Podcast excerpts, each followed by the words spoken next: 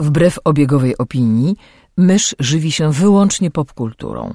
Jest zwierzęciem stadnym, które lubi dzielić się tym, co znajdzie ze światem. Jej naturalnym sposobem komunikacji jest przerywany śmiechem słowotok. Słuchacie podcastu Myszmasz.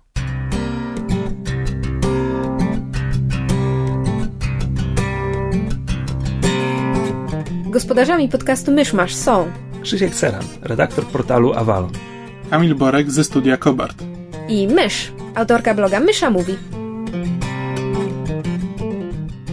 Drodzy słuchacze, jest 13 lipca 2015 roku, urodziny Patricka Stewarta i Harrisona Forda. Zapraszam do 102 odcinka podcastu Myszmasz. A jubilatom życzymy wszystkiego najlepszego. Mamy gościa w studiu. Cześć. Mówię w studiu, Miałeś na myśli w studni. W salonie, w naszym salonie, w waszym salonie. Ja jestem tu gościem też. Nieważne. E, mamy w podcaście Ocean Soul.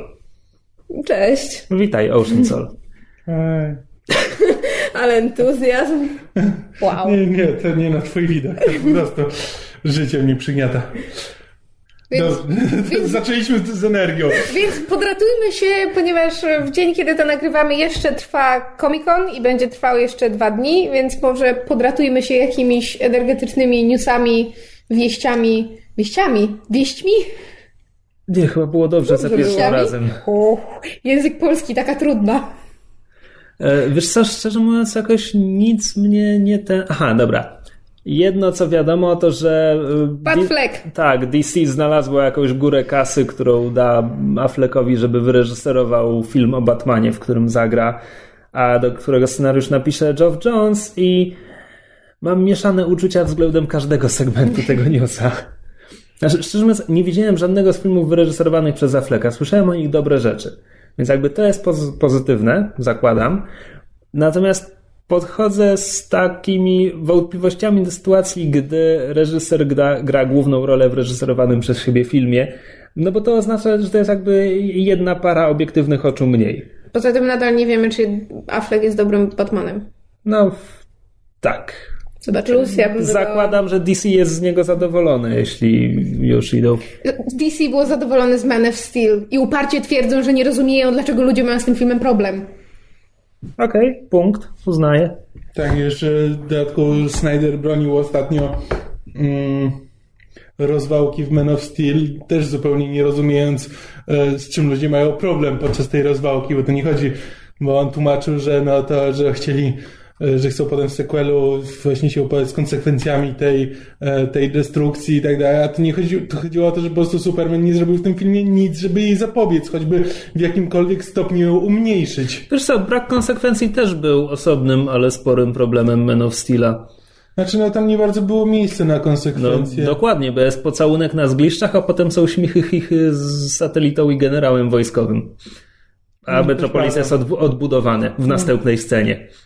Tak? Tak. No przecież jak Clark wchodzi do redakcji jako dziennikarz, to jest redakcja, która mieści się w wieżowcu, który się zawalił w poprzedniej scenie. Nie no, ale może, może redakcja się przeniosła do innego No budynku. mniejsza z tym, nie widać ani śladu zniszczeń w tym no, mieście. Może, nie, znaczy też trochę nie do końca wierzę właśnie w to, że od samego początku planowali zająć się tymi konsekwencjami w sequelu, e, tylko to jest takie już tłumaczenie post factum, ale tak czy inaczej nie jest to dobre tłumaczenie, bo nie o to chodziło. W każdym razie brawa dla Afflecka. Zobaczymy, co z tego będzie. No, No jak na razie, mm, chciałem powiedzieć Batfleck, znaczy Affleck nie zrobił złego filmu, e, więc... No, jako, ale jako patrząc- reżyser. Patrząc po Argo, na przykład dla mnie jego aktorstwo tam było najsłabszym elementem, czyli właśnie jako reżyser jeszcze się sprawdza, ale jak ma reżyserować sam siebie, no to tak. No ale powiedzmy Nie sobie bardzo. szczerze, że Batman jest postacią, która nie wymaga jakichś szczytów aktorskich. wymaga je, jeśli jest dobrze napisany.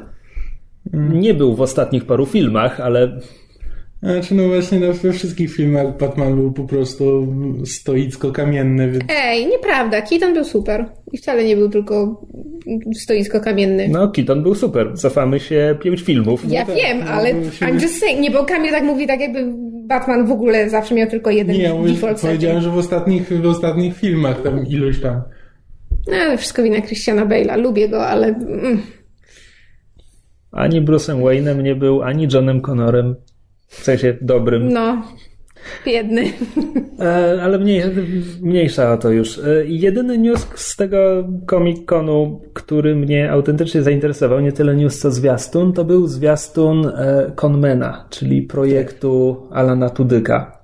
To obejrzałem akurat. O, który coś mi się obijało o uszy, ale jakby zupełnie mnie to nie interesowało. Obejrzałem zwiastun i strasznie czekam. Żeby było śmieszniej, to jest drugi um, jakby projekt o um, gwiazdach realizujących coś dookoła konwentów, dlatego że dwaj aktorzy z Supernatural kręcą własny miniserial też o, o właśnie o jeżdżeniu na konwenty.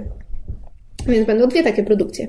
Tak, więc Conman w skrócie opowiada o aktorze w tej roli Alan Tudyk, który grał w bardzo popularnym serialu science fiction pod tytułem Spectrum. Spectrum właśnie z innym aktorem, który po zakończeniu, po przedwczesnym zdjęciu spektrum z anteny, ten drugi aktor w tej roli, um, chciałem powiedzieć Malcolm Reynolds, e, Nathan Fillion, zrobił błyskotliwą karierę, a ten główny bohater nie. I teraz wiele lat później kręci się po konwentach, snuje, ma tego dość e, i ogólnie jest bardzo zgorzkniały. I w konmenie wystąpi chyba cała obsada Firefly'a plus Joss Whedon. I to ma być, zdaje się, serial internetowy z krótkometrażowy, w sensie 10-minutowe odcinki, coś takiego słyszałem?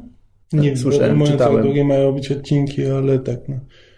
Wyda, wydaje mi się, że to mają być miniaturki.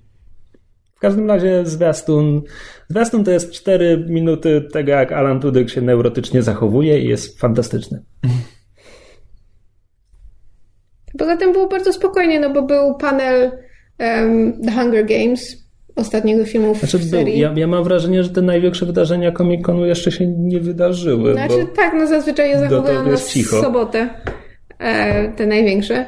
E, to pa, było, pojawiło się parę tam trailerów e, serialowych. Pojawił się m.in. dłuższy trailer do serialu Damien, który opowiada o dorosłym mm, Damienie z e, Omenu Kompletnie mnie nie interesuje. z pominięciem drugiego i trzeciego filmu, które były nakręcone. Wygląda zaskakująco dobrze, to znaczy mnie na przykład bardzo cieszy, że, że coraz więcej się pojawia jednak takich seriali horrorowych, bo to jest w sumie niewielki gatunek i, i, i, i fajnie, że to się rozwija.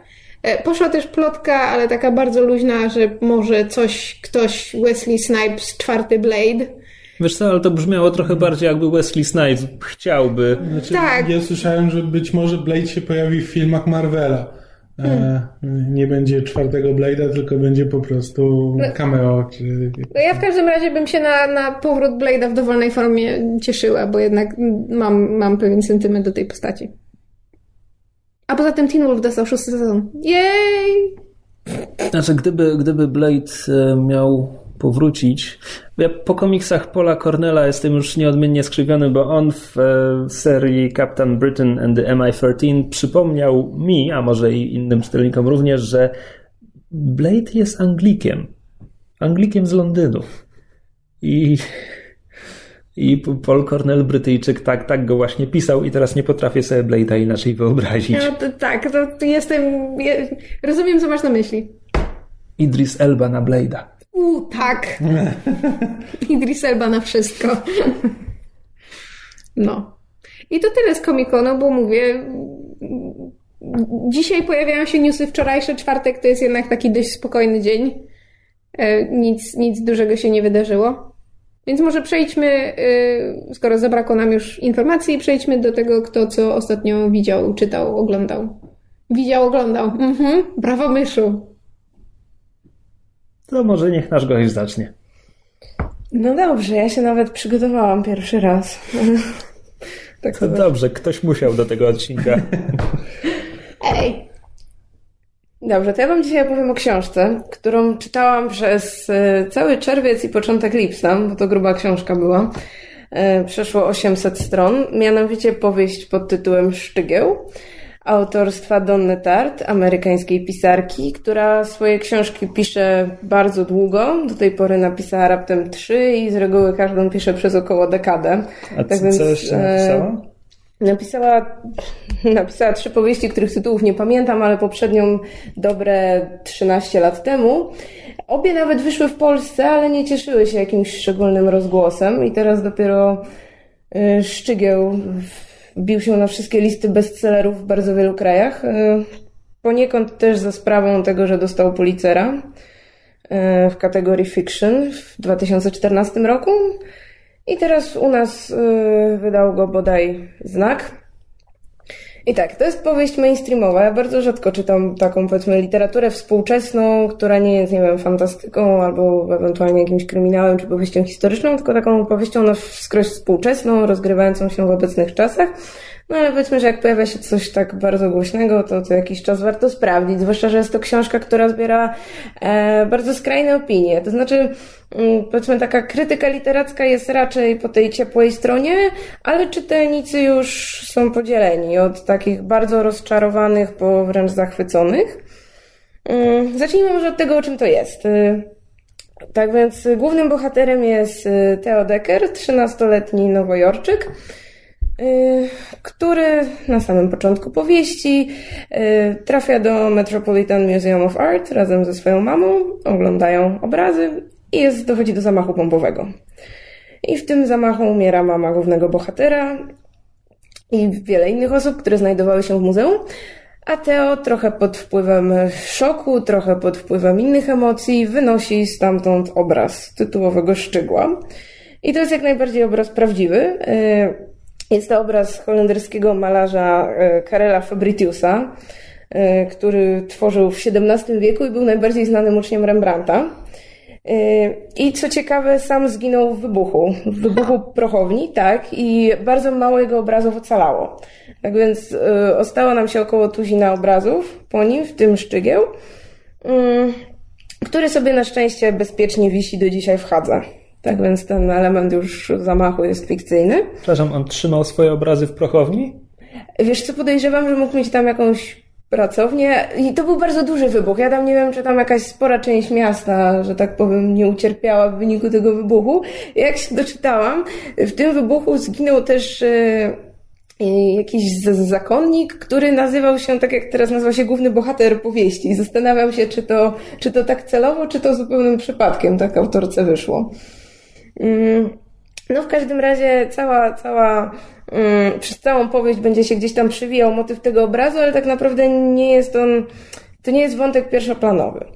Mm, Całość to tak naprawdę Bildungsroman, gdzie obserwujemy sobie przez kolejne lata, jak nasz bohater dorasta, mm, jak zmieniają mu się poglądy, jak sobie radzi, przede wszystkim właśnie z traumą po, po tym, co go spotkało. Yy, Ponieważ nie, nie ma łatwego życia, trafia pod opiekę ojca, który jakby wcześniej już opuścił rodzinę, mieszka y, zupełnie na drugim końcu Stanów w Las Vegas z nową partnerką, jakby siłą rzeczy jakby bierze, bierze syna do siebie, ale zupełnie się nim nie przejmuje. On jak chce to pójdzie do szkoły, nie chce to nie pójdzie, zaprzyjaźnia się szybko z też chłopakiem w bardzo trudnej sytuacji, również yy, półsierotą, Borisem i oni obaj yy, eksperymentują z narkotykami, z alkoholem. No ogólnie dzie- dzieciak pozostawiony Tak, sam sobie. dokładnie, który jakby musi sobie radzić z całą tą, tą traumą po wydarzeniu. I jakby, i, i równocześnie z tym sekretem, że on cały czas jakby ma ten obraz ze sobą, on go ze sobą wozi przez całe Stany, zdając sobie sprawę, że no, zrobił coś tak naprawdę nagannego, bo bardzo szybko oczywiście władze dochodzą do tego, że ten obraz nie, nie został uszkodzony, zniszczony w tym wydarzeniu, tylko że właśnie ktoś go musiał ukraść, więc jakby cały czas też wisi nad nim takie widmo, że to się zaraz wyda, mimo że no powiedzmy jest to mało prawdopodobne, ale cały czas ten niepokój jest świetnie też oddany w książce, to takie poczucie, wiecie, jak się nieraz ukrywa, ukrywa jakąś tajemnicę, jak się ktoś, nie wiem, kłamie i tak dalej. A nie wpadł na to, Tak. żeby go oddać. No właśnie, tak naprawdę y, dość szybko na to wpadł, ale nie może się na to zdobyć. Jasne. Też po części dlatego, że był jeden z ulubionych obrazów jego matki. No tak, nie, domyślam się, że coś, coś za tym stało, tak. że to nie bez powodu. Tak, no więc to jest taka długa, powolna powieść właśnie o jego życiu. E, Później e, akcja posuwa się jakby tak o 8 lat do przodu, jest przeskok i jakby powiedzmy w drugiej połowie książki już poznajemy go jako mniej lub bardziej ukształtowanego młodego człowieka, który dalej musi sobie jakoś tam radzić z tymi wszystkimi problemami, z nałogami, e, zaczyna pracować powiedzmy w branży antyków i no nie jest, nie jest najuczciwszym człowiekiem, ujmijmy to tak.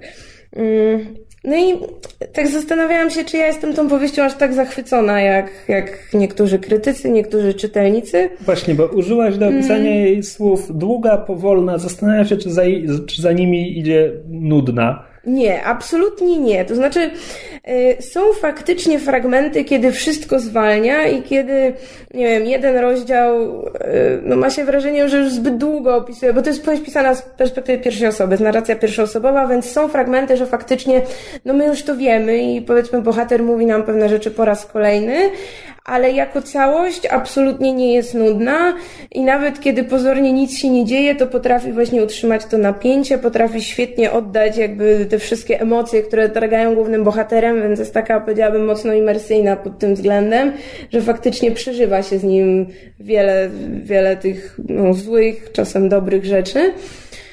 Yy, ale nie jest to dla mnie jakieś wielkie arcydzieło. Mm, To znaczy tak, bardzo dobra książka, ale nie jakieś powiedzmy, nie wiem, objawienie XXI wieku. Yy, No, na pewno w ramach powiedzmy swoich, swojego jakiegoś gatunku to po prostu realizuje bardzo solidnie wszystkie, wszystkie założenia. Yy, Tak więc ja polecam. Polecam, y, zwłaszcza jeśli właśnie lubi się co jakiś czas przeczytać coś takiego nieśpiesznego, y, dosyć, dosyć długiego. Jakby strona, strona stylistyczna jest naprawdę dopracowana, jakby te wątki na przykład związane ze sztuką, jakieś takie przemyślenia, które łączą gdzieś tam sztukę z jakąś taką ludzką naturą, albo ogólnie przemyślenia na przykład o dobrych uczynkach, za którymi niekoniecznie idą dobre rzeczy i odwrotnie, złych uczynkach, które nie prowadzą paradoksalnie do złych rzeczy. To się bardzo, bardzo tak ładnie, znaczy to jest bardzo ładnie napisane, bardzo dobrze się to czyta. A ja mam takie pytanie. Mhm. Czytałeś w oryginale czy po polsku? Czytałam po polsku. Właśnie chciałam się zapytać Tak. tłumaczenie jak, no bo to jednak brzmi jak taka dość skom... znaczy może nie skomplikowana, ale bardzo specyficzna książka do przetłumaczenia i czy, czy to zostało dobrze oddane? twoim Tak, jak najbardziej. Znaczy, y, jakbym miała to do kogoś porównać, to to jest blisko takiego trochę może Dickensowskiego stylu i jest przetłumaczone bardzo dobrze. Tak więc ja polecam. Dobrze, to może skoro o Dickensowskim stylu i artystycznych dziełach mówimy, to ja powiem o świecie żywych trupów. Wow, segway roku. Nie, no. E, obejrzałem sobie, ponie, ponieważ się dowiedziałem, znaczy, że film napisał James Gunn, mówię o remake'u z 2004 roku, czego nie wiedziałem wcześniej, mimo że ten film widziałem. Czekaj, to było reżyserowane przez Snydera? Tak. Że wyreżyserował to Zack Snyder, napisał James Gunn, przynajmniej po części napisał James Gunn. Bo jakoś przeczytałem potem, że James Gunn dostał jakby solo credit, ale z, w międzyczasie Poszedł odszedł- kręcić Scooby-Doo 2. Tak. Znaczy nie no, chyba pisał Scooby-Doo. Scooby-Doo pierwszego i drugiego, tak, nie tak. kręcił. Tak. Tak, więc e, Ale wiesz, priorytety. James Gunn ma priorytety. James Gunn. Tak. tak. Czy nadrabiając filmografię Jamesa Gunna zamierzasz obejrzeć też Scooby-Doo? Ja widziałam pierwsze Scooby-Doo w kinie. Nie- Ja widziałam oba w kinie. To, to, jest, to jest ta wersja z Sarą Michelle Gellar? Gellar? Tak. Tak, ta live action. Chyba tylko taka jest aktorska zresztą. Tak, aktorska. Znaczy jest jeszcze porno wersja, ale Zobacz. nobody, should- nobody should watch that. Nie, bo ja się zastan- zastanawiałem, czy tam przypadkiem obsada się nie, nie zmieniła między Nie, jedną i drugą absolutnie częścią. nie. Nie, wszyscy byli Wszyscy byli. zachwyceni i Tak. zdecydowali, by Podejrzewam, że kontynuować nie tę tyle przygodę. zachwyceni, co zakontraktowani. E, No, więc chciałem zobaczyć właśnie, co James Gunn robił jakby w, przed e, Guardiansami. E, tam parę jego filmów znam i zawsze lubiłem. No i Dawn of the Dead mnie w sumie miło zaskoczył, bo spodziewałem się po prostu takiego głupiego filmu, a to jest głupi film, który ma parę fajnych pomysłów. Przepraszam, czy, czy to jest film, w którym zombie płód wyskakuje z brzucha ciężarnej matki, czy mieszają mi się zwiastuny? To jest ten film. A, to tak. jest ten film. I właśnie Dobrze. o to chodzi, że film trochę nie do końca sam wie, czym chce być, bo e, trochę tak zaczyna właśnie jak ten pierwszy oryginalny. Znaczy, nie, nie zaczyna, bo zaczyna właśnie od sceny e, akcji. To, to zaczyna tak, że dosłownie w filmie mijają trzy minuty chyba zanim e, zacznie się poznajemy bohaterkę, dowiadujemy się, że jest pielęgniarką, ona wraca do domu, idzie spać i jak się budzi, to już się zaczyna po prostu scena akcji, w której ona ucieka przed, najpierw przed swoją córką, która została zamieniona w zombie, która później ta córka zamienia jej męża w zombie, a potem ona ucieka przez e, miasto, w którym co chwila e, jakiś samochód wbija się w stację benzynową i wybucha, bo to jest Zack Snyder i naprawdę film o zombie nie powinien mieć tyle eksplozji co ten. No i potem, e, no i potem znajduje grupkę w... W supermarkecie. Tak, znaczy trafiają, te, trafiają w grupą do supermarketu i są momenty, kiedy ten film właśnie trochę zwalnia i stara się jakiś zbudować jakiś suspens. Suspens. No. Suspens. Ale to się tak wymawia po polsku? Po polsku Mhm. jest suspens. Tak jak suseł. so weird. E, I kiedy próbuje, to nawet nieźle mu to wychodzi. Tylko, że potem Zack Snyder się nudzi i postanawia wrzucić trochę akcji. Albo postanawia właśnie wrzucić scenę z e, nieumarłym płodem. I... E, i to właśnie trochę, trochę psuje cały efekt. Film kończy się ab kompletnie absurdalną sceną, kiedy e, się przebijają przez morze zombie. E, I znowu mamy kupę eksplozji. To brzmi jak World War Z. Czekaj, No, to jest ten film, gdzie na końcu jadą jakąś taką busikiem czy czymś takim Tak. z piłą mechaniczną tak, wysuniętą budują tam, nie wiem, specjalny przez... tak, e, dwa, dwa busiki, tego- tak, tak, które tak. dają czołgi. Tak, Ojej, to ja, właśnie- ja to i ten- oglądałam w kinie. I ten film właśnie tak przeskakuje, co jest bardzo bolesne, bo kiedy rzeczywiście się stanie, znaczy po pierwsze ten film wygląda, znaczy y, y, wyglądem nawiązuje do lat 80. I zarówno jakby oświetlenie, jak i część scen akcji, wszystkie jakby efekty specjalne zombie i e, wybuchające głowy są robione fizycznymi efektami specjalnymi. Jakby y, momentami film wygląda, nie wiem czy rzeczywiście był nagrywany na taśmie, ale wygląda jakby był nagrywany na taśmie, w, jakoś tak dziwnie w niektórych scenach, ale tak poza tym też wygląda jakby takie oświetlenie właśnie bardzo mi przywodziło na myśl ten oryginalny Świt Żywych Trupów i ogólnie właśnie filmy, e, filmy lat 80., więc właśnie na przykład pod względem wizualnym jest naprawdę bardzo ładnie zrobiony i jakby Zack Snyder, no i to akurat Snyderowi zawsze wychodziło, jakby wizualnie potrafił, e, potrafił kręcić filmy, tylko że no to jest dokładnie ten sam problem, którym potem się pojawił przy Man of Steel, gdzie, że on po prostu jakby nie do końca rozumie materiał źródłowy, jakby nie rozumie, co się komuś może w nim podobać, jeśli nie wrzuci do niego właśnie eksplozji, jakiegoś pościgu, jakiejś sceny walki, czy czegoś i po prostu to sprawia takie wrażenie, że ma trochę ADHD i zaczyna się nudzić, kiedy e, film, e, kiedy film nie, nie przyspiesza i to w taki bardzo absurdalny sposób. I właśnie i to, to mam taki problem, że to jest w połowie dobry film, a w połowie zabawny film w sumie. I tak jak ktoś lubi horrory, to myślę, że będzie się dobrze bawił. Szczególnie, że George Romero też jakby na początku był bardzo przeciwny e, decyzjom podjętym, bo na przykład to jest tak pierwszy film, w którym zombie biegają. E, I zazwyczaj, zazwyczaj wcześniej to, i, i to też jest właśnie coś, co właśnie Zack Snyder stwierdził, że no, że takie człapiące zombie to są śmieszne i tak naprawdę to e, zagrożenie można poczuć dopiero, kiedy te zombie właśnie biegną na ciebie i, ten, no i właśnie to jest typowy po prostu Snyder, jakby nie rozumie, co może być interesującego czy strasznego właśnie w powolnym, e, takim zdeterminowanym dążeniu do tego, żeby coś cię zjadło i właśnie, a to jest jakby podstawa horroru, że właśnie nie to, że coś na ciebie nagle wypada i cię atakuje, tylko, że po prostu masz cały czas poczucie, że za chwilę coś się powoli, powoli osacza. I, jakby, To zależy jaki horror. nie no tak, no ale taki wiesz, no... Znaczy, tylko to są, to są dwa różne gatunki horroru. Jakby po prostu Zack Snyder wziął na tapetę ten, ten gatunek horroru, który właśnie powinien polegać na powolnym budowaniu napięcia e, i zrobił z niego, zrobił z niego zupełnie co innego. Jakby, no i mówię, komuś to może odpowiadać i ja też się dobrze bawiłem, więc e, jak ktoś lubi horrory, to na pewno jest to, nie jest to zły film. Właśnie zacząłem się zastanawiać, co by się stało, gdyby Snyderowi dali jakiś remake czy kontynuację Obcego.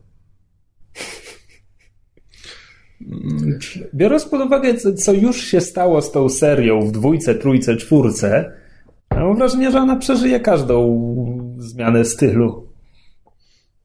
Znaczy... Hmm. Ej, przeżyła Prometeusza. Naprawdę można się kłócić, co, co jest większym osiągnięciem Prometeusz czy Obcy 4. Czy Aliens vs Predator 2. Czy widzieliście Aliens vs Predator 2? Nie, grałam w Aliens vs Predator 2. Nie, nie, nie. To dwie zupełnie inne historie. Filmowy... Pierwszy Aliens vs Predator to jest kosmiczna bzdura o piramidzie na Antarktyce. Ale hej, starożytne struktury, co... jest tam jakiś klimat. To jest głupi klimat i komuś się chyba pomieszało trochę z Fingiem, e, ale jest tam jakiś klimat.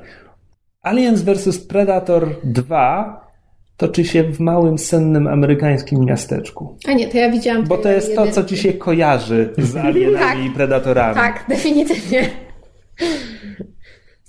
Znaczy, e, tak powiedzieć, znaczy, nie wiem, dla mnie Zack Snyder jakby nie ma takiego stylu, znaczy ma styl wizualny. To jest to, co dla mnie wyróżnia Snydera, ale nie jestem w stanie powiedzieć nic na temat jego historii, znaczy jakby przedstawił tego, tego obcego i e, co, by, co by mógł z nim zrobić. Bo dla mnie on nie ma jakby takiego rozpoznawalnego e, stylu w opowiadaniu historii. Ma tylko rozpoznawalny styl w kadrach. To brzmi jak Obcy 4.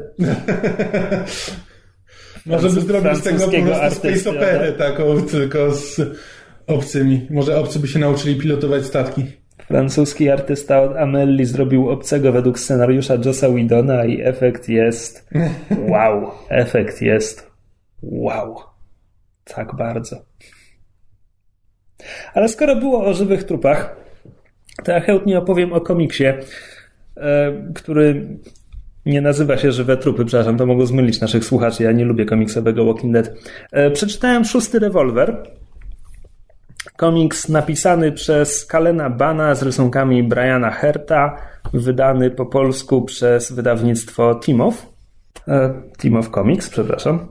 Nie jesteśmy po imieniu. Kiedyś było chyba Timowi Cisi Wspólnicy? Chyba tak.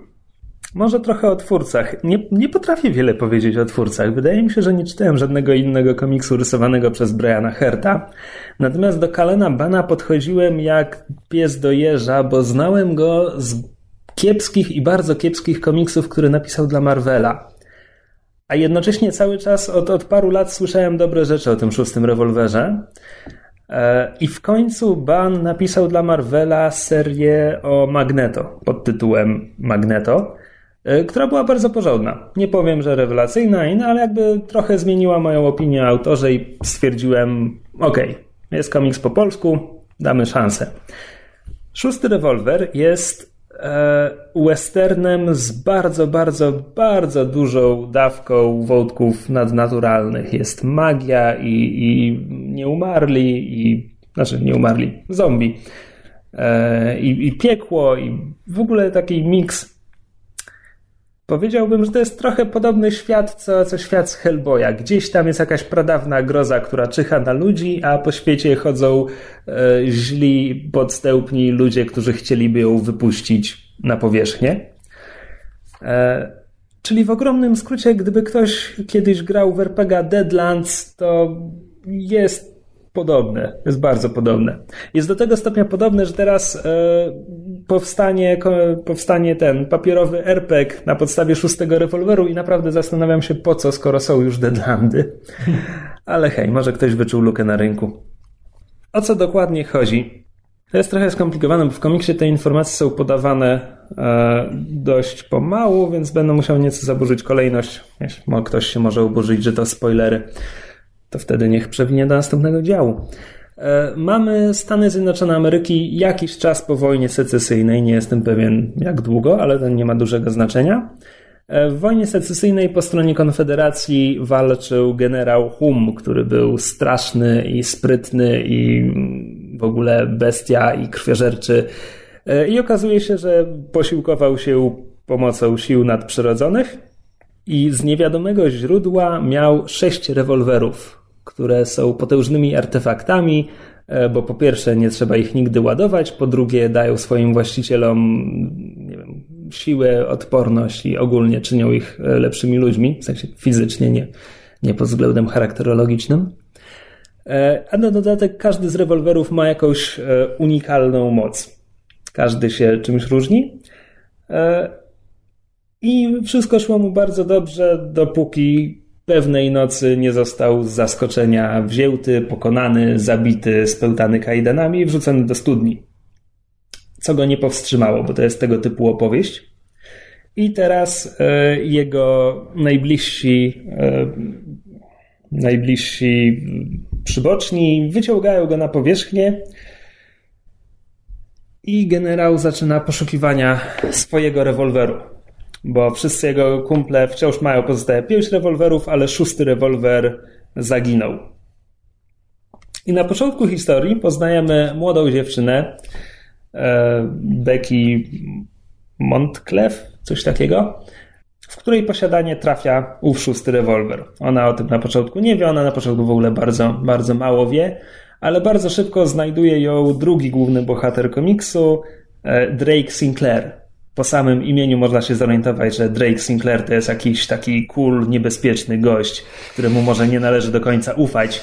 E, I zwykle bym tak nie przedstawiał postaci, gdyby nie to, że dosłownie pierwsze strony powieści mówią nam mniej więcej to, że Drake Sinclair to jest wygląda cool, ale nie należy mu ufać.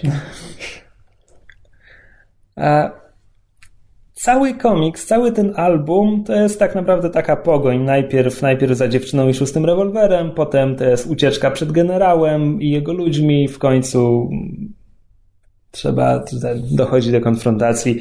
Naprawdę fa streszczenie fabuły tutaj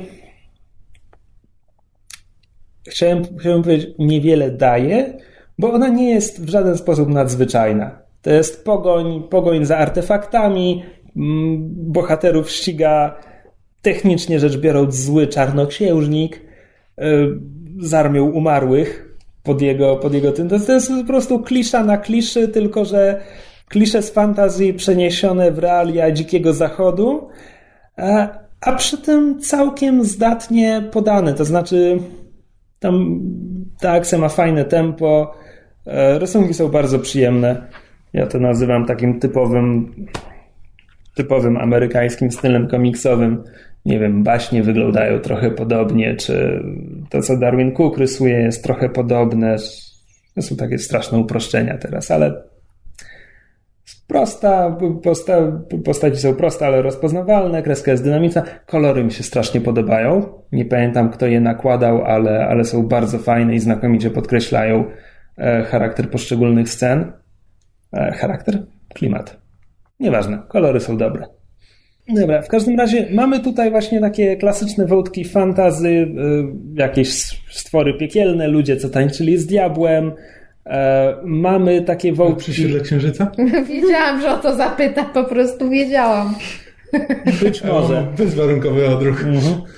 E, mamy też wątki zwierzeń indiańskich, aczkolwiek w komiksie nie ma ani jednego Indianina, ale to, to nie przeszkadza, by, by pojawiły się pewne. Western bez Indianina? No właśnie, tak. Może, może będą w następnych częściach. E, I to wszystko ma tempo. Niektóre sekwencje są naprawdę spektakularne. Znaczy, tam toczą się, jest akcja na, na dużą skalę. Komiks w ogóle kończy się regularną bitwą, a i wcześniej jest sekwencja w kanionie, o której nie chcę za dużo mówić, bo to jest. Może nie jest niespodzianka, ale, ale warto się przekonać, co, co tam w kanionie ściga bohaterów i tych złych. Podoba mi się również, podobają mi się niedopowiedzenia, bo Ban tutaj dość umiejętnie wprowadza pewne wątki na początku, które zaowocują później, przed końcem albumu i w następnych częściach. Na przykład jestem święcie przekonany, że jedna z pobocznych postaci jest e, templariuszem, e, z czego nic nie wynika w tym albumie, więc e, ten zjem, zjem czekoladkę, jeśli się okaże, że w następnych albumach tych templariuszy nie będzie. E, natomiast jeśli coś mi nie pasuje, to to, że niektóre sceny są rozegrane tak bardzo, żeby były cool, natomiast jak się przyjrzeć ciągowi wydarzeń, to tak się zastanawiasz, no dobra, ten, ten zły w tym momencie jej nie zabił. Czemu? Albo coś, co dotąd nie wychodziło bohaterom, teraz im wychodzi i w zasadzie nie wiadomo czemu. No ale trzeba po prostu przyjąć, że bo tak jest fajniej i, i faktycznie jest fajnie. To jest naprawdę fajny, przygodowy komiks, taki western, gdzie się dzieje bardzo dużo, bardzo szybko. Eee, polecam, autentycznie polecam. wydaje mi się, że wszyscy bohaterowie są oburęczni, bo strzelają co chwila to z prawej, to z lewej rełki, ale to już jest detal i może nie powinienem się tak bardzo czepiać. Także ten, jeśli ktoś lubi, nie wiem, Hellboya, czy właśnie Deadlands, czy do pewnego stopnia nawet takie rzeczy jak, bo ja wiem, Wild Wild West czy Maverick, tego typu westerny, które nie traktują się poważnie, Takie ale gdzie najlepsze. jest dużo, dużo akcji. E, no plus tutaj w szóstym rewolwerze mamy jeszcze nie tyle grozę, co właśnie takie stwory, zombie. No mówię, ta jakby galeria, galeria antagonistów z Hellboya. To tutaj się znajdzie. Plus okładka mi się strasznie podoba. Po prostu wszystko tu mamy. Z para głównych bohaterów są jacyś jeźdźcy apokalipsy, jest brodaty człowiek z szablą, armia zombich, trumna, z której wylatują łańcuchy. Po prostu tak dużo się dzieje na tej samej okładce. Nie wiem. Jeśli ktoś spojrzy na tę okładkę i stwierdzi, nie, to nie dla mnie, to nie jest dla was. Bo to, co jest na okładce, jest w komiksie. W komiksie jest tylko odrobinę spokojniej. Także tak, to jest szósty rewolwer, tom pierwszy, seria będzie kontynuowana. E, akcja następnego albumu będzie się toczyć w Luizjanie, chyba również w Nowym Orleanie. Bardzo na to czekam. To słuchajcie, ja z kolei obejrzałam, znaczy teoretycznie film, który wszyscy widzieliśmy, ale obejrzałam go w rozszerzonej wersji. Mianowicie wreszcie wyszedł um, X-Men Days of Future Past The Road Cut czyli inna wersja filmu, ta, ta w której... Ten z Anną Paquin. Tak, ta, ta, ta, wersja filmu, w której e, pojawiała się Rogue. Ja byłam bardzo smutna, jak się okazało, że wycięli całą jej rolę. Um, nie całą? Miga na końcu? Nie, miga na końcu. sekundy? Tak, miga na końcu.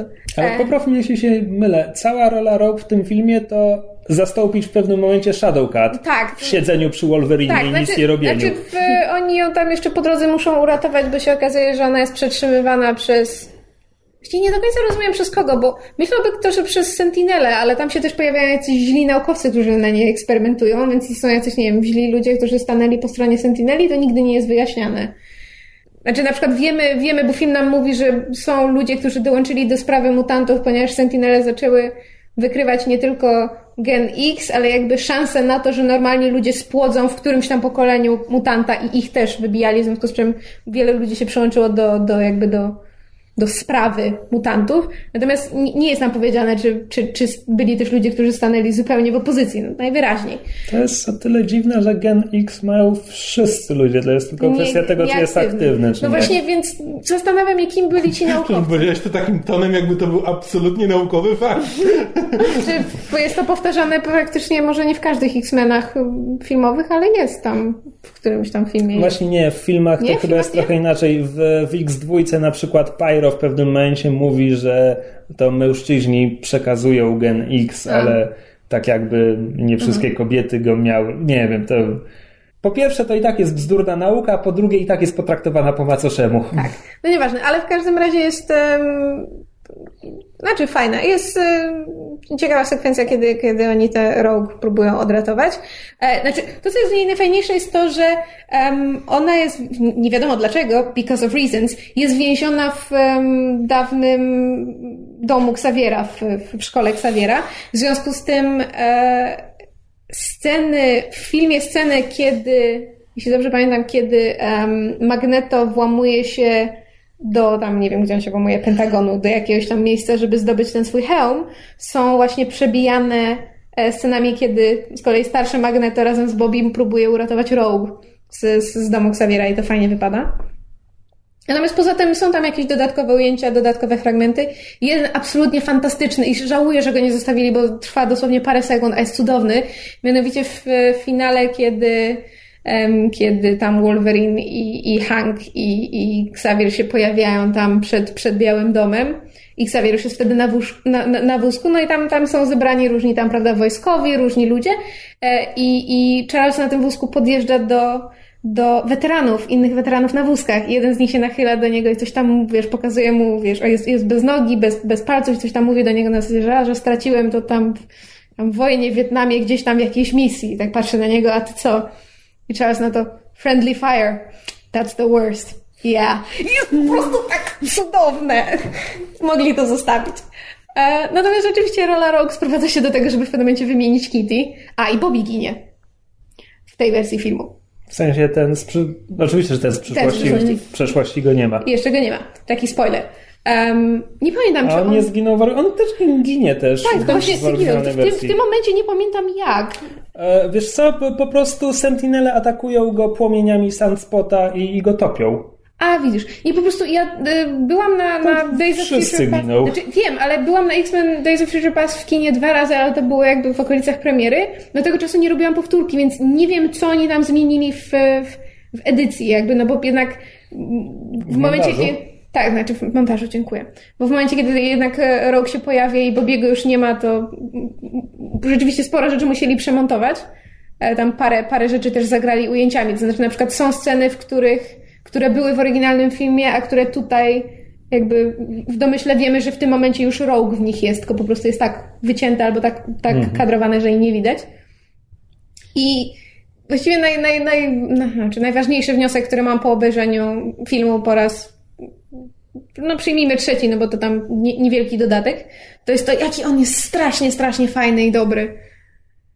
Znaczy, nie nie bez powodu poszłam na niego dwa razy do kina, znaczy za pierwszym razem no to poszłam po X-Menie, ale nie bez powodu niemalże dwa dni później poszłam od razu na niego drugi raz do kina i się bawiłam równie dobrze, jeśli nie lepiej, bo wiedziałam, czego się spodziewać i, i wyczekiwałam tych wszystkich fajnych momentów.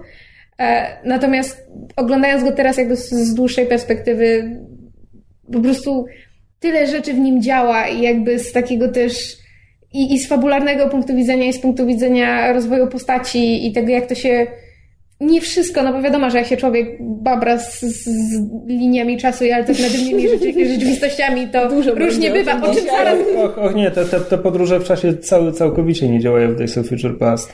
Tak, ale jakby tak, w- wiesz, na powierzchni, jak się nie, No nie tak, będziesz w to tak. zagłębiać, to to jakby jakoś się tam zazębia, przynajmniej w ramach tego jednego filmu, niekoniecznie z, z pozostałymi, znaczy jakby z oryginalną trylogią.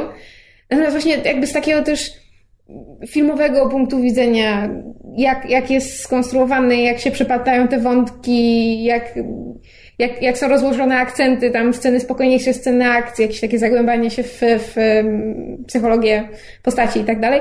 Bardzo, bardzo, bardzo mi się podobało. Jestem, jestem pod, pod wielkim wrażeniem tego filmu i nie mogę się doczekać kolejnego. On mi się w kinie całkiem podobał, natomiast od, od premiery go sobie ani razu nie powtórzyłem. W kinie też byłem tylko raz. Także w sumie całkiem chętnie obejrzę tę, tę wersję, no, żeby sobie przypomnieć, co tam właściwie się dzieje. Natomiast nie wiem, wydaje mi się, że w kinie mi się podobał bardziej niż teraz, jak o nim myślę. I No właśnie ja miałam takie w ogóle naj, najlepszy film o mutantach to wciąż ten, którego nie reżyserował Singer, czyli pierwsza klasa. No tak. A myślę, myślę, że warto, żebyś sobie zrobił powtórkę, żeby właśnie przekonać się, czy po prostu, wiesz, emocje opadły i dlatego film trochę wyblakł we wspomnieniach, czy, czy może rzeczywiście wcale nie jest tak dobry, jak myślałeś. Znaczy, na pewno nie te, te tam dwie, dwie i pół godziny obejrzeć nawet tego, tego ten, ten rogue cut, obejrzeć i zobaczyć, czy, czy, czy wiesz, czy twoje wrażenie się zmieniło, na pewno się nie będziesz Znaczy, nudził, bo to jest nadal dobry film. e, To, to, jest, to jest po prostu takie, takie proste, proste ćwiczenie logiczne. Ile razy widziałem pierwszą klasę? Myślę, że z pięć. Czy chętnie obejrzę ją jeszcze raz? Jak najbardziej. Ile razy widziałem Days of Future Past? Raz. Czy chętnie obejrzę jeszcze raz? Prawdopodobnie. Ale skoro, skoro tak się ten, zboczyłam trochę w stronę zachwianych timeline'ów i podróży w czasie, to czy w ten sposób naturalnie przechodzimy do tematu tygodnia? Byliśmy wszyscy razem na Terminator Genesis. Genesis? Genesis. Nie, nie, wiem, nie wiem, jak akcent położyć. Genesis? Genesis? Szczerze Na mówiąc, nowym Terminatorze. po, po obejrzeniu filmu ten podtytuł przestał mi przeszkadzać, no bo on, Tak. on w filmie jest nazwą produktu i tak, Tak. sobie myślę, Produkty okej, się tak nazywają. Produkty się tak nazywają. Natomiast przed, przed filmem kompletnie nie mogłem go zrozumieć. Znaczy, jeszcze potrafiłem zrozumieć tę literówkę z, z drugiej, sy, z, z, z ostatniej sylaby, no bo sys jak system to jest jakby komputerowe lingo. Natomiast tego Jenny kompletnie nie mogłem zrozumieć, ale marketing. Okej, marketing to wymyślił. Tak, grupa fokusowa powiedziała, że to działa.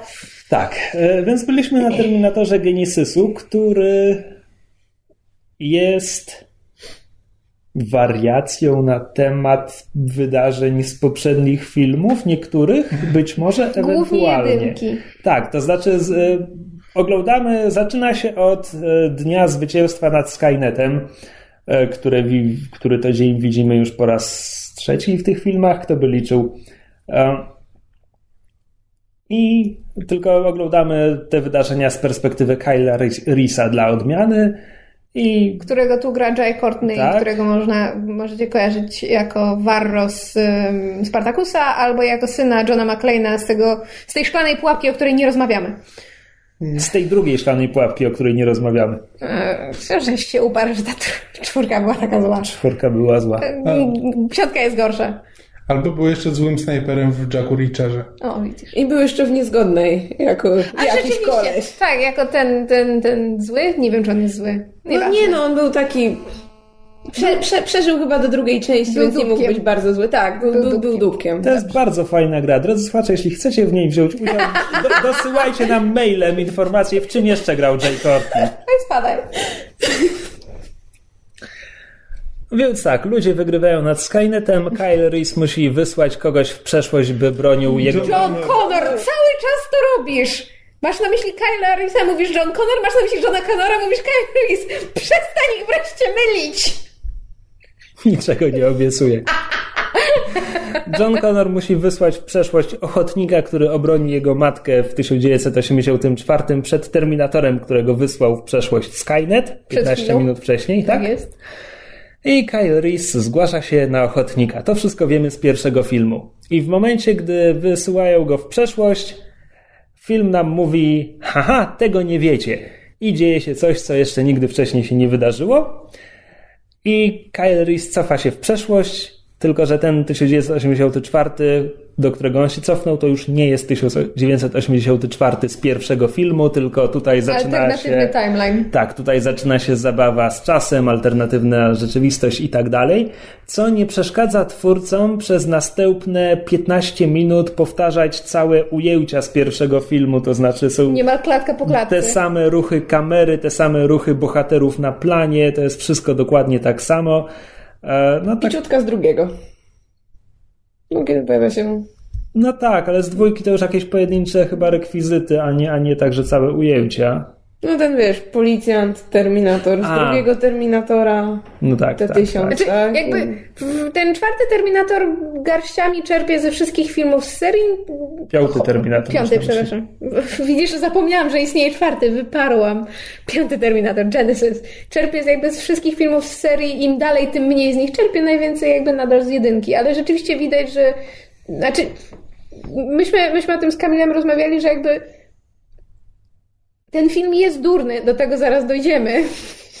Ten film jest durny, natomiast nie jest jakby nie jest bezduszny, to znaczy nie ma się wrażenia, że on został zrobiony tylko właśnie, żeby trzaskać kasę na, na sentymencie i jakby na nostalgii widzów i jakby można odnieść wrażenie, że twórcy tego filmu też jakby darzą te, te, te, ten oryginalny Tak, to- film pewną sympatią. To, to zdecydowanie widać, że ten film po prostu został zrobiony przez ludzi, którzy bardzo lubią pierwsze dwa Terminatory.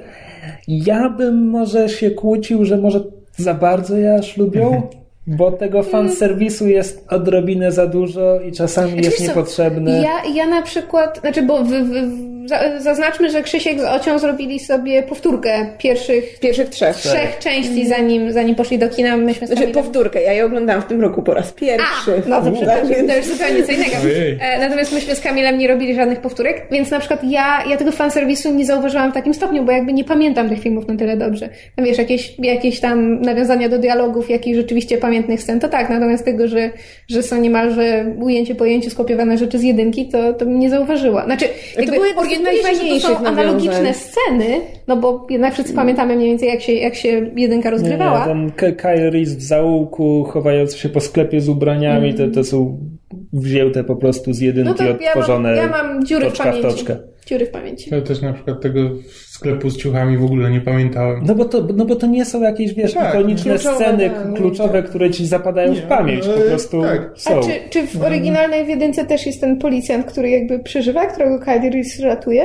Nie. Znaczy, ta, jego goni prawdziwa policja Tak, tam- w jedynce. tak, policja on ucieka, broni. żeby właśnie znaleźć tam ubranie, jego goni prawdziwa policja, więc tam on nikogo nie musi ratować. Tam jeszcze Nie, po się prostu nic, zastanawiałam nic się, czy, nie czy, czy to też jest Nie, jakaś nie. zmiana do jedynki. To, to, to jest zmiana, bo on i Terminator spotykają się dużo później dopiero Tak, filmie. jego jeszcze nikt nie ściga. Okej. okay. Znaczy, Terminator go go nie ściga. ściga, tak.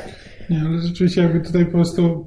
Czy wolę taki film, który jest zrobiony przez średniego, re, średniego reżysera, ale za to z sercem, niż gdyby miało być zrobione przez dobrego rzemieślnika. Znaczy, nie no, to jest średni reżyser Alan Taylor, który zrobił Tora Mrocznego Świata i parę odcinków Gry o Tron i prawdopodobnie coś poza tym. A, no, Znaczy, ale nie, ja, ja nie Mroczny mówię... Świat był też taki, że fajny, miły film. Nie, nie, bo, bo, bo, bo mówisz, że, że on jest średnim reżyserem, po czym kontrujesz to przykładem rzemieślnika. Jakoś nie rozumiem, jak w tym wypadku rozumiemy rzemieślnika, a jak, jak dla mnie rzemieślnik to jest właśnie ktoś, kto robi swoje i wiesz, żadnych rewolucji nie wprowadza. Nie no, znaczy nie no, chodzi mi po prostu o kogoś, kto, komu jakby nie zależy na filmie, tylko po prostu A, że go robotę. wynajęli, dobra. Tak, że. Tak, po prostu to jest chałtura dla niego e, i tyle. A to jest ktoś, kto rzeczywiście jakby wiesz, czuje, że on chciał zrobić fajny film, tylko może nie do końca umie, nie, do końca wie jak Miał to, dobre chęci. jak to Znaczy, pociągnąć, znowu, ale... jak dla mnie problemy tego filmu zupełnie re, do reżyserii w ogóle się nie czepiam. Jest wyreżyserowany jak przeciętny film akcji. Umówmy się, nie, nie jestem fanem sekwencji akcji z tego filmu.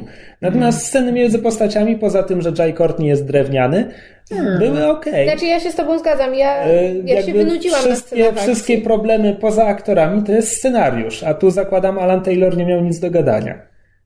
I to też nie jest tak, że ten scenariusz jest No, ale- beznadziejny kompletnie. Głupi, ale to Kupi, ale znaczy naprawdę poszłam na ten film z bardzo niskimi oczekiwaniami, a wręcz z y, pewnym nastawieniem pod tytułem nieważne co mi pokażesz, i tak mi się nie spodobasz.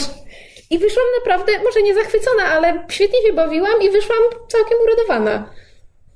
Nie, tak, z, z dużą radością jest zrobiony ten film. Tak. Też no nie, znaczy nie traktuje się poważnie. To jakby to jest bardzo, to jest, to potrafi być komplement, ale bardzo często jest tylko e, usprawiedliwieniem wad. A- Tak, tylko że to jest rzecz w tym, że ten cykl tak wygląda już od drugiego Terminatora. Już drugi Terminator jest filmem w zupełnie innym klimacie niż pierwszy Terminator. Jakby w pierwszym Terminatorze kompletnie nie ma takich żarcików. tak. Nie no, bo pierwszy był na poważnie. No, no tak, a drugi już powstało w czasach, kiedy jakby... No raz, że mamy dziecko, za- tak, naprawdę jako jednego z głównych śmie- bohaterów. Święcić e, zabójcze bronie i właśnie dwójka jest z filmy akcji z 50., elementami nie? komediowymi. To jest Tak. chyba 91? No to to jest początek właśnie tego początek takiego lat 90.. typowego dla, dla filmów akcji lat 90. klimatu pod tytułem Nie wszystko jest na serio. No z dwójki mamy te wszystkie sceny przecież, gdzie właśnie Arnold próbuje się uśmiechać i tak dalej, które w piątce pojawiają się chyba, nie wiem, 3, 4, 5 razy. Ale uwielbiam te sceny, zrobione z naprawdę. humorem. Po mam wrażenie, że, że Schwarzenegger tak dobrze bawił się tam na planie. No, no. No, głosie merytoryczny. My nawet nie wiedzieliśmy, o czym ten Nie, film bo- jest tak bo naprawdę. Czekaj, no Pre- przerwaliśmy mu. Znaczy, przerwaliście mi, ale co- co ja robiłem? Ja mówiłem słuchaczom, jak zaczyna się film, a dotarłem już do, mo- do momentu, w którym mówić dalej o fabule, to byłoby.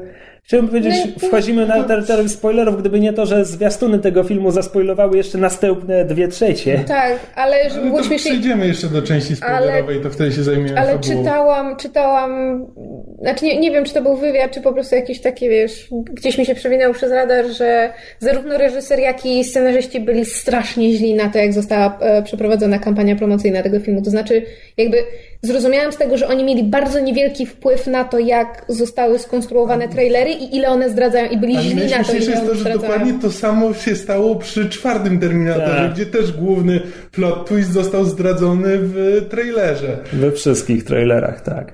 Bo tutaj trzymali Znaczy, co ja- najmniej, y, w, w, przy promocji piątki trzymali y, to w tajemnicy co najmniej do drugiej albo nawet trzeciej fali zwiastunów.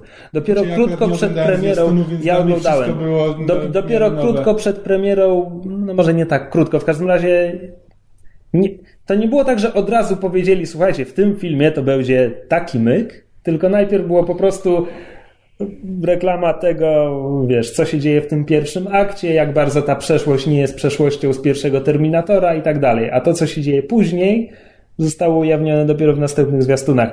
Natomiast przy Salvation chyba od samego początku wiedzieliśmy, że sam Worthington będzie robotem. Tak, od Uwaga, spoiler. E, Co potem w filmie, w filmie skonstruowany tak, jakby to przez pierwsze pół miała być wielka tajemnica i wielkie odkrycie. Więc znowu dział marketingu nie, nie rozmawiał z reżyserem. Wielki wizjoner MacG inaczej to sobie wyobrażał. Ja wiem, że wszyscy nienawidzimy MacG, ale ja tak strasznie... Ja nawet nie wiem za co, ja nie wiem co on zrobił poza właśnie- Salvation. Znaczy, to jest, to jest facet, który po prostu zrobił Aniołki Charlie'ego, jedynkę chyba i dwójkę, A. wyreżyserował i ja, ja bezwstydnie kocham te filmy. One są durne jak but, ale ja je bezwstydnie kocham, a potem do czego by się nie zabrał, to psuł. Zazwyczaj na fotelu producenta. On między innymi produkował Supernatural na początku, chociaż tutaj akurat bardzo niewiele zepsuł, no ale Eric Kripke mu patrzył na ręce i jak się dogadywali. Natomiast McG jako producent to w bardzo wielu jakby, że tak powiem, miejscach macza palce i co słyszę od fanów danych produkcji, to wszystko zrzucają na McG, bo on ma właśnie tendencję trochę jak Snyder do takiego, wiesz, więcej, szybciej, wybuchy, głupiej, durniej i tak dalej. Ja się teraz dopiero zorientowałem, bo rzeczywiście widziałem te plakaty, tylko że nie skojarzyłem, bo już na plakatach jest spoiler e, do A, naprawdę? filmu. Kompletnie zapomniałem, bo nie wiedziałem zasadniczo kim jest ten aktor i to głównie może dlatego. No tak. W każdym razie, Myszu, prosiłaś o głos merytoryczny. A mój głos merytoryczny wygląda tak. Bawiłem się dobrze na tym filmie. Mam problemy ze scenariuszem na kilku poziomach, to znaczy ciąg logiczny tych wydarzeń Nope. nie ma. E, Jest kilka, wydawałoby się, kluczowych informacji, których nie dostajemy, bo pewnie będą w sequelu czy coś. I to jest takie. No wiem, że to ma budzić zainteresowanie, ale znowu nie po to idę na film, żeby teraz przez trzy lata się głowić nad czymś, co pewnie wcale nie jest przełomowe i wcale nie zmieni tego, jak postrzegam ten film. I wolałbym dostać odpowiedź teraz niż Znaczy za trzy lata. jedna rzecz, której się nie dowiadujemy, ma, jest związana właśnie jakby z tą początkową sekwencją. O czym żeśmy się dowiedzieli w momencie, kiedy ja ci, kiedy to było wczoraj czy przedwczoraj przysłałam tam jakiś tam artykuł czy newsa, A. gdzie jakby twórcy wyjaśniają coś, co ich zdaniem było oczywiste, a w filmie tego nie ma. Znaczy, to, Najwyraźniej to, znaczy- to, to akurat możemy powiedzieć, bo i tak nie ma tego w filmie. Tak. Znaczy, E, Więc tw- twórcy, twórcy mówią, że tam wy, wydarzenia od, odbijają innym torem, dlatego że ingeruje, uważajcie, Skynet z innej alternatywnej rzeczywistości. Który podróżuje w czasie do różnych alternatywnych rzeczywistości tych samych wydarzeń, szukając takiej, w której wygrywa. Taki, tak, taki próbując popchnąć wydarzenia w takim kierunku, by Skynet z tej rzeczywistości wygrał z ludźmi, bo zazwyczaj przegrywa. Skynet sobie wygrał w jednej rzeczywistości, więc nawiedza Nie, nie, nie. inne rzeczywistości. nawet nie wiemy. Nie, w każdej rzeczywistości przegrywa dzień, znaczy y, w każdej rzeczywistości ludzie zwyciężają w dniu zwycięstwa, w sensie pokonują Skynet. Więc ten alternat, ten, ten podróżujący Skynet szuka takiej rzeczywistości, w której do tego nie dochodzi. Tak, Znaczy więc musi ewentualnie- coś zmieniać, żeby do tego nie Tak, doszło. znaczy w sensie no Okej, zanim, kombinuję. zanim, zanim wdamy się tutaj w półgodzinne dywagacje, czy to ma sens, czy nie, spoiler, nie ma, e, powiedzmy, że to jest coś, co mysz przeczytała w jakimś wywiadzie, że scenarzyści i reżyser tak to między sobą ustalili, ale w filmie tego kompletnie nie ma. Po Mm. prostu oni to wymyślili i to zostało tylko w ich głowach, albo w jakiejś wyciętej scenie. Że wymyślili to już po filmie. Cholera wie. Naprawdę jest to. Nie, nie, nie wiem, co to było.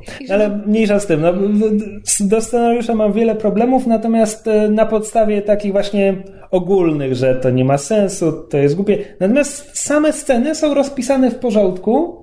Do dialogów to mam problem tylko, kiedy strasznie, strasznie się wikłają w wyjaśnianie podróży w czasie, które i tak nie mają sensu i ich wyjaśnienia i tak nie mają sensu i to, że tych wyjaśnień jest w tym filmie tak dużo, sprawia tylko to, że to jeszcze bardziej nie ma sensu. Bo mówią tam rzeczy, które nie mają Sa- sensu w, w odniesieniu do tak. tego, co widzimy w filmie. Tak, więc, więc jakby miał się przyczepić, że coś mi nie pasuje w dialogach, to przede wszystkim strasznie Ekspozycja. dużo, strasznie głupiej ekspozycji, plus nagle Terminator jest specjalistą od podróży w czasie, bo cholera wie czemu. Znaczy, wiesz, mm, to, to przy, e, przy spoilerach Dobra, później więc e, to, to, to, to pozwólcie, po, pozwólcie mi jeszcze przez chwilę. E, Aktorsko film jest w porządku, Jay Courtney jest kiepski. Znaczy, mogę polubić go jako wersję Kyla Risa, natomiast Nie jest kiepski. Nie, mi jest obojętny. No mi się podoba. E, I Emilia Clarke. I like it. Ja nie lubię, natomiast to, to nie jest mój problem z aktorką, to jest mój problem z tym, jak jest napisana Sarah Connor w tym filmie. Bo ona ma Ale- być twarda, ale scenariusz Ale- nie bardzo to jej pozwala być twardym. no. Ale tak, tak, to, no jest to nie jest ta sama Sarah Connor, którą my znamy z poprzednich Wręcz filmów, jest bo dramatycznie inna. No właśnie, powinna być twardsza i zimniejsza i Nie. myśląca bardziej logicznie, tak. nie, właśnie na odwrót. No, Ale to też przy spoilerach musimy do tego No, dojść. Zaraz do tego E, dojdziemy. Ale też e, jakby przeglądając komentarze pod różnymi recenzjami, to jakby mam wrażenie, że najbardziej na ten film psioczą ludzie, którzy są fanami Terminatora, bo oglądali go ostatni raz wiele, wiele, wiele lat temu. Bo e, jakby pojawiają się takie argumenty, które jakby właśnie na temat tej niespójności tych podróży w czasie, czy, e, czy właśnie, czy klimatu, które jakby właśnie, tak jak już ustaliliśmy, już w pierwszych Terminatorach się pojawiało, zarówno Podróże i, w czasie nie i jakaś taka komediowość, która właściwie znikąd się nie bierze. komediowość i kompletna- jest w dwójce, kompletne Tak. zrąbanie pełtli czasu jest w dwójce. Tak, i to jakby wszystko się pojawia. Jakby ludzie, którzy jakby albo nie byli po prostu fanami Terminatora, poszli na jakby nowy film, to się dobrze bawili, albo ci, którzy po prostu oglądali niedawno Terminatora i rzeczywiście widzą, widzą problemy i nie są jakby, nie mają, bo łatwo jest sobie wbudować w, e, bo ja też tak długo miałem, zanim nie obejrzałem właśnie Terminatora drugiego i pierwszego po raz, po raz drugi, gdzie jakby pamiętałem go z dzieciństwa, gdzie na mnie wtedy zrobił duże wrażenie i właśnie i, ale zupełnie nie pamiętałem, że jest momentami wręcz kiczowaty. E, I nadal uważam, że to jest świetny film, jakby nie mam, nie mam absolutnie na niego zastrzeżeń, tylko że właśnie pamiętając ten klimat, to łatwiej jest jednak przełknąć Genesisa. No. I kończąc, już abstrahując kompletnie od fabuły, tego jak to jest zagrane i tak dalej, tylko po prostu jako film, widowisko, film akcji jest średni. To znaczy akcja w tym filmie jest ok, dopóki rozgrywa się na poziomie ludzie strzelają do Terminatora, Terminator goni ludzi.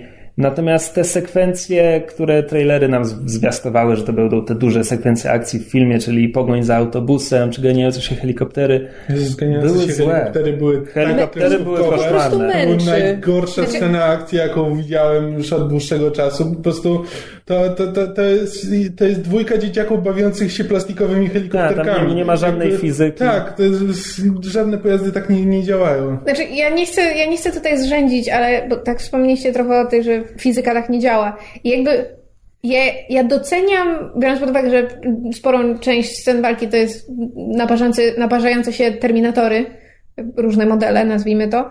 E, I jakby doceniam z, od strony technicznej, jak to jest zrealizowane, prawda, jakie tam były potrzebne efekty, ile w to poszło roboty i tam pracy kaskaderów, Arniego i tak dalej. Natomiast Właściwie każda sekwencja akcji, nieważne czy mówimy o pościgu, o walce, czy o ścigających się helikopterach, mnie w tym filmie zmęczyła. To znaczy, ja je oglądałam i kompletnie mi zwisało, co się dzieje, kto się z kim bije, dlaczego, kto wygra. I jakby wyczekiwałam tych momentów, kiedy skończą się bić i przejdziemy właśnie do tej fab- fabuły. Nieważne jak, jak nielogiczna, czy, czy momentami kulawa by ona nie była. Tak, jest, są za długie i jest ich po prostu zbyt wiele. Jeśli sobie, w ogóle nie mówię o pierwszym Terminatorze, który To jest do pewnego jest thrillerem, a nie Tak, filmem dokładnie. akcji tak naprawdę, ale nawet w drugim Terminatorze, tam pomiędzy kolejnymi scenami akcji są bardzo długie sceny budujące postaci. I to tak, jest kiedy oni sobie jadą, rozmawiają, a nie... Ja dlatego to nie jest tak, że jak jadą, to za każdym razem musi być pościg, bo jadą. No i wreszcie to jest już taka uwaga fanowska bardzo, ale dotąd, może z wyjątkiem trójki, to możemy się sprzeczać, ale kolejne Terminatory nie tyle podbijały stawkę, co pokazywały coś nowego. To znaczy, pierwszy Terminator to jest pojedynek człowieka z machiną, której nie możesz zatrzymać. Drugi Terminator to jest pojedynek machiny, której nie można zatrzymać, z machiną z zupełnie innej kosmicznej technologii, ciekły metal, rewelacyjne efekty specjalne, jak na tamtę epokę. Obecnie są niewiele lepsze, naprawdę nie poszły dużo dalej, pod tym względem przynajmniej. To było super. Trzeci Terminator przedobrzyli, to znaczy Terminatrix jest gorsza, jako machina do zabijania jest po prostu gorszym designem od T-1000 z drugiego filmu, ale nie jest wizualnie ciekawa, po prostu Ale teraz... potrafi powiększyć sobie piersi. Tak. Tak. Więc to było kiepskie. Natomiast czwarty Terminator Czwarty Terminator dał nam od choćby gigantyczne Terminatory paropiętrowe. Jakby tam to nie był dobry film, Widziałam go raz, kompletnie tego nie pamiętam. no właśnie, Wow. ale tam wizualnie były fajne rzeczy. Były Terminatory, które były jakby wbudowane w motocykle. Tam wizualnie były durny film, ale wizualnie Tam były fajne też nie rzeczy. pamiętam dokładnie, ale tam te Terminatory to trochę już zahaczały o Transformery, nie? Możliwe, nie pamiętam. E, natomiast tutaj w piątce po pierwsze dostajemy fanserwis, czyli właśnie Terminatory z pierwszego i drugiego filmu, ale nie dostajemy niczego nowego tak naprawdę, bo nawet główny zły Terminator praktycznie nie różni się niczym od Terminatrix, tylko nie ma wbudowanej broni. Ale wizualnie wygląda bardzo podobnie. Ona robiła dokładnie to samo. Ona też miała jakby szkielet zwykłego Terminatora oblany ciekłym metalem, więc też mogła zmieniać kształt, też mogła jakby to jest po prostu bardzo podobne. Po prostu nie ma niczego nowego w ramach technologii Terminatorów. Myślałby kto, że pójdą trochę do przodu. No jak to? Poszły do przodu. Spoiler. No to może przejdziemy już, co? No to chyba już przeszliśmy. Mówiliśmy już. Dobra, Ups. teraz będą spoilery. Znaczy, ja ma- wstawię koguta, żeby ci zagłuszyć to, Ma, co ma, Matt widziałeś. Smith tak patrzy spod łba i tak się złowrogo przesuwa w tym tłumie dobrych ludzkich buntowników, że od pierwszego ujęcia wiemy, że on jest kimś złym. A czekajcie, to było w trailerach, bo ja nie widziałam żadnego trailera do tego Nie, filmu. Nie, w trailerach chyba nie pojawiał. Mata, przepraszam, Matthew Smitha nie było, nie było w trailerach. Ale mnie to tak strasznie bawi. Znaczy, ja mam wrażenie, że twórcy zatrudnili Mata Smitha do tego filmu nie dlatego, że jest dobrym aktorem, czy dlatego, że ma taką niepokojącą fizjonomię, czy, czy coś, tylko i wyłącznie dlatego, że Wibbly wobbly time. tak, wibbly wobbly timey wimey, że oni stwierdzili, słuchajcie, mamy film o podróżach w czasie, który kompletnie nie ma sensu, kogo najlepiej zatrudnić? Weźmy któregoś doktora. Tak. Ale tak, ale to w miarę, w miarę działa, bo jakby już sama obecność Mata Smitha właśnie jakby sugeruje to, że to będzie podejście do podróży w czasie rodem z doktora Nie no, oni to zrobili tylko po to, żeby teraz fani pisali po prostu fanfiki crossoverowe. No tak, tak. Gdzie, No. Czyli co? gdzie doktor naprostuje im linię czasu, ewentualnie poprawi parę rzeczy. A nie, bo, się bo, bo, bo, bo, ja myśl, bo ja myślałem o takim fanfiku, który by wyjaśniał ten film, czyli że na przykład cyber, Cybermeni przejęli kontrolę nad doktorem i teraz doktor sprawia, że Skynet wygrywa. Ja, ja widziałem jakieś i tam był w to zamieszany ktoś, kogo nie wiem, ale pamiętam, że Cleverman czy mm, coś takiego, nie wiem kto to jest, ale e, już, są, już są teorie właśnie wyjaśniające e, No dobra, skoro jesteśmy już w segmencie spoilerowym, Matt Smith gra fizyczną Skynet. inkarnację Skynetu, Tak, który, uosobienie. który w pierwszym akcie filmu atakuje Johna Connora w momencie, gdy ten wysyła Kyla Reese'a w przeszłość. I to właśnie ten, ten Matt Smith tutaj, według reżysera i scenarzystów, jest z alternatywnej rzeczywistości, a nie tej, którą widzimy w tym momencie, tylko w filmie nie ma nic na ten temat. Tak. A potem w finale Matt Smith jest hologramem, kiedy Skynet chce pogadać z ludźmi, którzy próbują go powstrzymać. I to jest cały Matt Smith w filmie. Trzy minuty na ekranie, mniej więcej? Max 5, nie więcej. Ale twórcy mam wrażenie w ogóle jakoś tak trochę jakby. Znaczy, wydawało im się, że wsadzili do filmu informacje, których tak naprawdę w niej nie ma, bo jakby właśnie to skąd się wziął tam.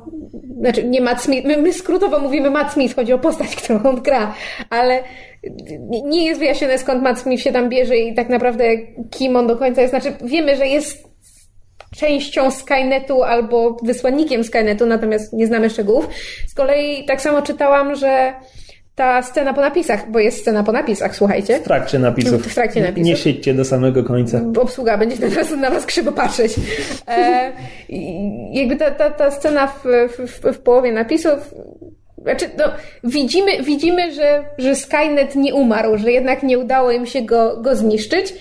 I jakby, i to jest to, co ja wyniosłam z tej sceny. A potem doczytałam, że w ogóle to, że, że tam się pojawia ten hologram Mata Smitha, czyli ten Skynet, którego nie udało im się zabić, a na dodatek to jakaś dziwna, ta, ta dziwna czerwona kula w tle, to oznacza, że że jakby ta kula nie jest częścią tego Skynetu. Nie wiemy, co to jest, o, ale, ale, ale, to, suge- ale to sugeruje, że, że Skynet chce się z tym czymś połączyć, że to będzie coś do kolejnej części. Tylko też, oni to mówią na zasadzie, no, bo to jest, to, to jest, to jest furtka do, do, do, do kolejnej części Terminatora. That's not obvious.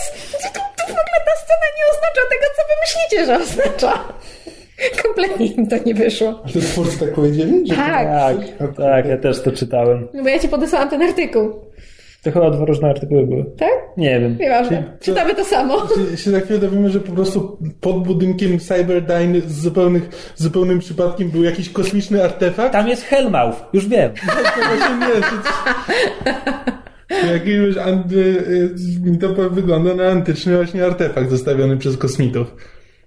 Tak, więc twórcy mają, mają pomysły na temat swojego dzieła. Tak. Co nie zmienia faktu, że najbardziej denerwującym fragmentem tego filmu jest to, że jedna rzecz nigdy nie zostaje wyjaśniona. I to nie jest dlatego, że, że, że twórcy myśleli, że coś mówią, tylko że tak naprawdę nic A no nie tak, bo powiedzieli. myśmy w części niespoilerowej nie powiedzieli tego, co było mówione w kampanii reklamowej i przez twórców, i przez reżyserów, czyli co właściwie odróżnia tę rzeczywistość od pierwszego filmu, a odróżnia to to, że ktoś wysłał Terminatory, żeby zabiły dziewięcioletnią Sarę Connor, co nigdy się nie wydarzyło w żadnej z Znaczy, poprzednich nie, nie, nie, linii nie, czasu. to nie jest tak, źle mówisz. To nie jest tak, że ktoś wysłał Terminatory, Znaczy, żeby zabił. Skynet wysłał tak. Terminatory wcześniej niż do tej pory widzieliśmy. Wysłał je, żeby zabiły dziewięcioletnią Sarę Connor i ktoś, i nigdy się nie dowiadujemy kto, wysłał T-800, czyli Arnolda, żeby ją uratował. I to jest to, czego nie wiemy, kto jego wysłał. I to, to, brak tej informacji nie sprawia, że film się rozlatuje kompletnie, natomiast przez cały, przez większość filmu Przez człowiek cały film się masz wrażenie, że dostaniemy tę informację tak, że przed zaraz końcem ktoś filmu. nam to powie, że to jest coś istotnego, że to jest jakiś twist, coś. Nope. A gdzie, gdzieś widziałem teorię, że ten Terminator sam siebie wysłał e, w przeszłość. Tylko nie bardzo, tylko nie, nie bardzo teoria tłumaczyła właśnie Ktoś go musi przeprogramować najpierw. e, jak się, jak się dostał. Wiesz co, w tym filmie to ktoś mógł go przeprogramować i dlatego on potem jest, jest już przeprogramowany, ale tak naprawdę to się nigdy nie wydarzyło, bo było wcześniej w czasie, więc to jakby dałoby się prawdopodobnie jakoś e, tą linią czasu Terminatora uzasadnić. Mm. Czekaj, ale coś chciałem powiedzieć. E, Ja nie wiem, co chciałeś powiedzieć, ale głowa mi od tego wszystkiego boli. E, ale to by tłumaczyło, e, dlaczego e, on jest specem od podróży w czasie. A, oczywiście. Natomiast. E, natomiast co? No więc mamy dobrego Terminatora, który wziął się nie wiadomo skąd, którego Emilia Clark nazywa papciem, to znaczy nazywa go popsem. W napisach nie jest to przetłumaczone, czego nie potrafię zrozumieć. Ja go Bo te nazywam napisy papciem. robiła, nieważne. Nieudolna tłumaczka. O, już nie czepiaj się. Będę się czepiać. Raz jej się noga powinęła przy Jurassic World i teraz I teraz się będę czepiać, bo tutaj też były błędy. No i papcio opiekuje się e, Sarą Connor odkąd skończyła 9 lat, więc w momencie, kiedy Kyle Reese pojawia się na scenie w 84, to mamy już do czynienia z 19 czy 20-letnią Sarą Connor, która od dekady jest wychowywana przez machinę do zabijania. E, tak, więc nie, nie potrzebuje, by Kyle Reese ją ratował. Nie licząc tych wszystkich scen, kiedy będzie musiał ją uratować w tym filmie. Ale hej, nie, nie ma tym. A, ale właśnie to ty, tutaj możemy wrócić do tego, że powiedziałeś, że ona tutaj w tym filmie powinna być twardsza. Z tym ja się nie zgadzam, bo ona właśnie nie, nie musi być twarda, bo w przeciwieństwie do Sary Connor z pierwszego Terminatora miała, miała w swoim życiu jakby ojcowską figurę, miała jakby cały czas jakiś cel. Nie, minęło ją całe do, doświadczenie szpitala psychiatrycznego. I jakby ona miała no, normal, w miarę normalne życie, no poza tym, że no, no ale no, walczy, walczyła, z, walczyła z jakimiś maszynami, ale cały czas miała jakby kogoś. Ona nie walczyła. Nie, no bo od tego jak Znaczy, miała no, 9 latała lat, to już nie no było tak, chyba tak. na nią żadnych No- no to tym ataków, bardziej, tak? Plus właśnie- cały czas miała tę figurę, którą mogą ją uratować, tak? tak, Tak, no naprawdę ile- nie musiała sama Tak, siebie ale chronić. ty używasz słowa figura ojcowska w odniesieniu do bezdusznej, logicznej machiny do zabijania. I Ale tak sobie myślę, że jeśli ale- coś takiego wychowuje dziewczynkę, to ona... Ale słuchaj, ale bo to, bo, wiesz, tak mówimy, ale cio! Mówimy, że Terminator to jest, wiesz, bezduszna machina do zabijania, ale to jakby on, Ona tak nie on się nad nią nie znęca, on nie jest brutalny, on, on, on jej nie, nie wiem, nie ogranicza, to nie jest tak, że, że on ją zamyka w, w jakimś schronie i życie jej nie daje. Może niekoniecznie wyraża swoje emocje, chociaż próbuje i wychodzi mu to zabawnie. Jego wiedza o ludziach jest dość Znaczy, ograniczona. to, jest, to jest akurat śmieszne, bo ona twierdzi, że, że on ma emocje, E, Kyle Reese jest przekonany, że Terminatory nie mogą mieć emocji. My wiemy z Terminatora drugiego, że machina może tam się jakoś przywiązać. Natomiast w tym filmie mamy potem pokazane, jak on przez te kilkanaście lat w, w, swojej, w swojej kryjówce miał e, rysunki, które mała Sarah Connor robiła i miał jej zdjęcie i to jest w ogóle bardzo sentymentalny Terminator, czego film jakby, znaczy pozwala to zauważyć widzowi, ale kompletnie nie, nie rozwija, a to akurat wydawało mi się fajne. Znaczy, tu, tu się rzeczywiście zgodzę, można to było jakoś szerzej rozpatrzeć, a z drugiej strony podoba mi się, że to są takie, wiesz, malutkie, jakby malutkie rzeczy, tak jak na przykład ta scena, w której um, widzimy, kiedy, kiedy on i, i Kyle Reese ładują um, to jest tak magazynki, tak, klipy, znaczy magazynki do, do pistoletu i, i, i Terminatorowi się zaczyna trząść ręka, bo on się już starzeje. I, ale, i po prostu to, to ale to jest scena, przepraszam, w której maszyna, robot mierzy sobie penisy z jakimś człowiekiem, bo to jest... No, ale o tym między innymi jest ten film, no, cały czas ten, Tak. cały czas Kyle właśnie do, do, do tego dąży, próbuje A biorąc pod uwagę, swoją że to jest, że to jest postać właśnie, wiesz, e, substytut postaci ojcowskiej, no to to jest, wiesz, ten konflikt zawsze To ma jest miejsce. scena jak Tak, z typowej tak. komedii, prawda? Gdzie chłopak stara się o córkę, która ma takiego trochę groźnego ojca. No. No. Ale właśnie ten taki moment porozumienia, Meet kiedy... the Terminators. Ale właśnie ten taki, wiesz, moment jakby takiej nawiązania tej takiej nici właśnie między Terminatorem a, a, a, Kylem Reese'em, kiedy, kiedy wiesz, kiedy ta, ta ręka się trzęsie i oni tak patrzą na siebie i tak nie powiemy Sarze i wiesz, i Kyle tak na niego patrzy i jest takie, wiesz, ja też jej nie powiem, your secret is safe with me. Jakoś tak Nie, to jest- mi znaczy się to jest- to, to jest- no. Obiektywnie to jest głupie. Robot z artretyzmem jest obiektywnie głupi, ale podobało mi się nie, to. Nie jest, ale to nie jest archetyzm, to nie jest objaw starości. On naprawdę ma widzimy, już dużo nie no, lat. ale my to widzimy w, w pierwszej scenie walki z tym e, złym Terminatorem. On właśnie s- e, on niego strzela, on pada i, w, w, i wtedy po raz pierwszy widzimy, że zaczyna mu ta ręka, że może. to było uszkodzenie po prostu mechaniczne w którymś momencie. A poza tym on rzeczywiście jest A, przepraszam, a, a kolano sobie nastawiał w którym momencie? Y, Przy pierwszej walce z Też młodym, walce? z młodym Mhm. Terminatorem, tak. No tak. A, a propos, e, młody Terminator, komputerowy Schwarzenegger jest komputerowy. Aczko, aczkolwiek w Salvation był jeszcze bardziej komputerowy. Tak. Ale to tam wiesz, przez chwilę.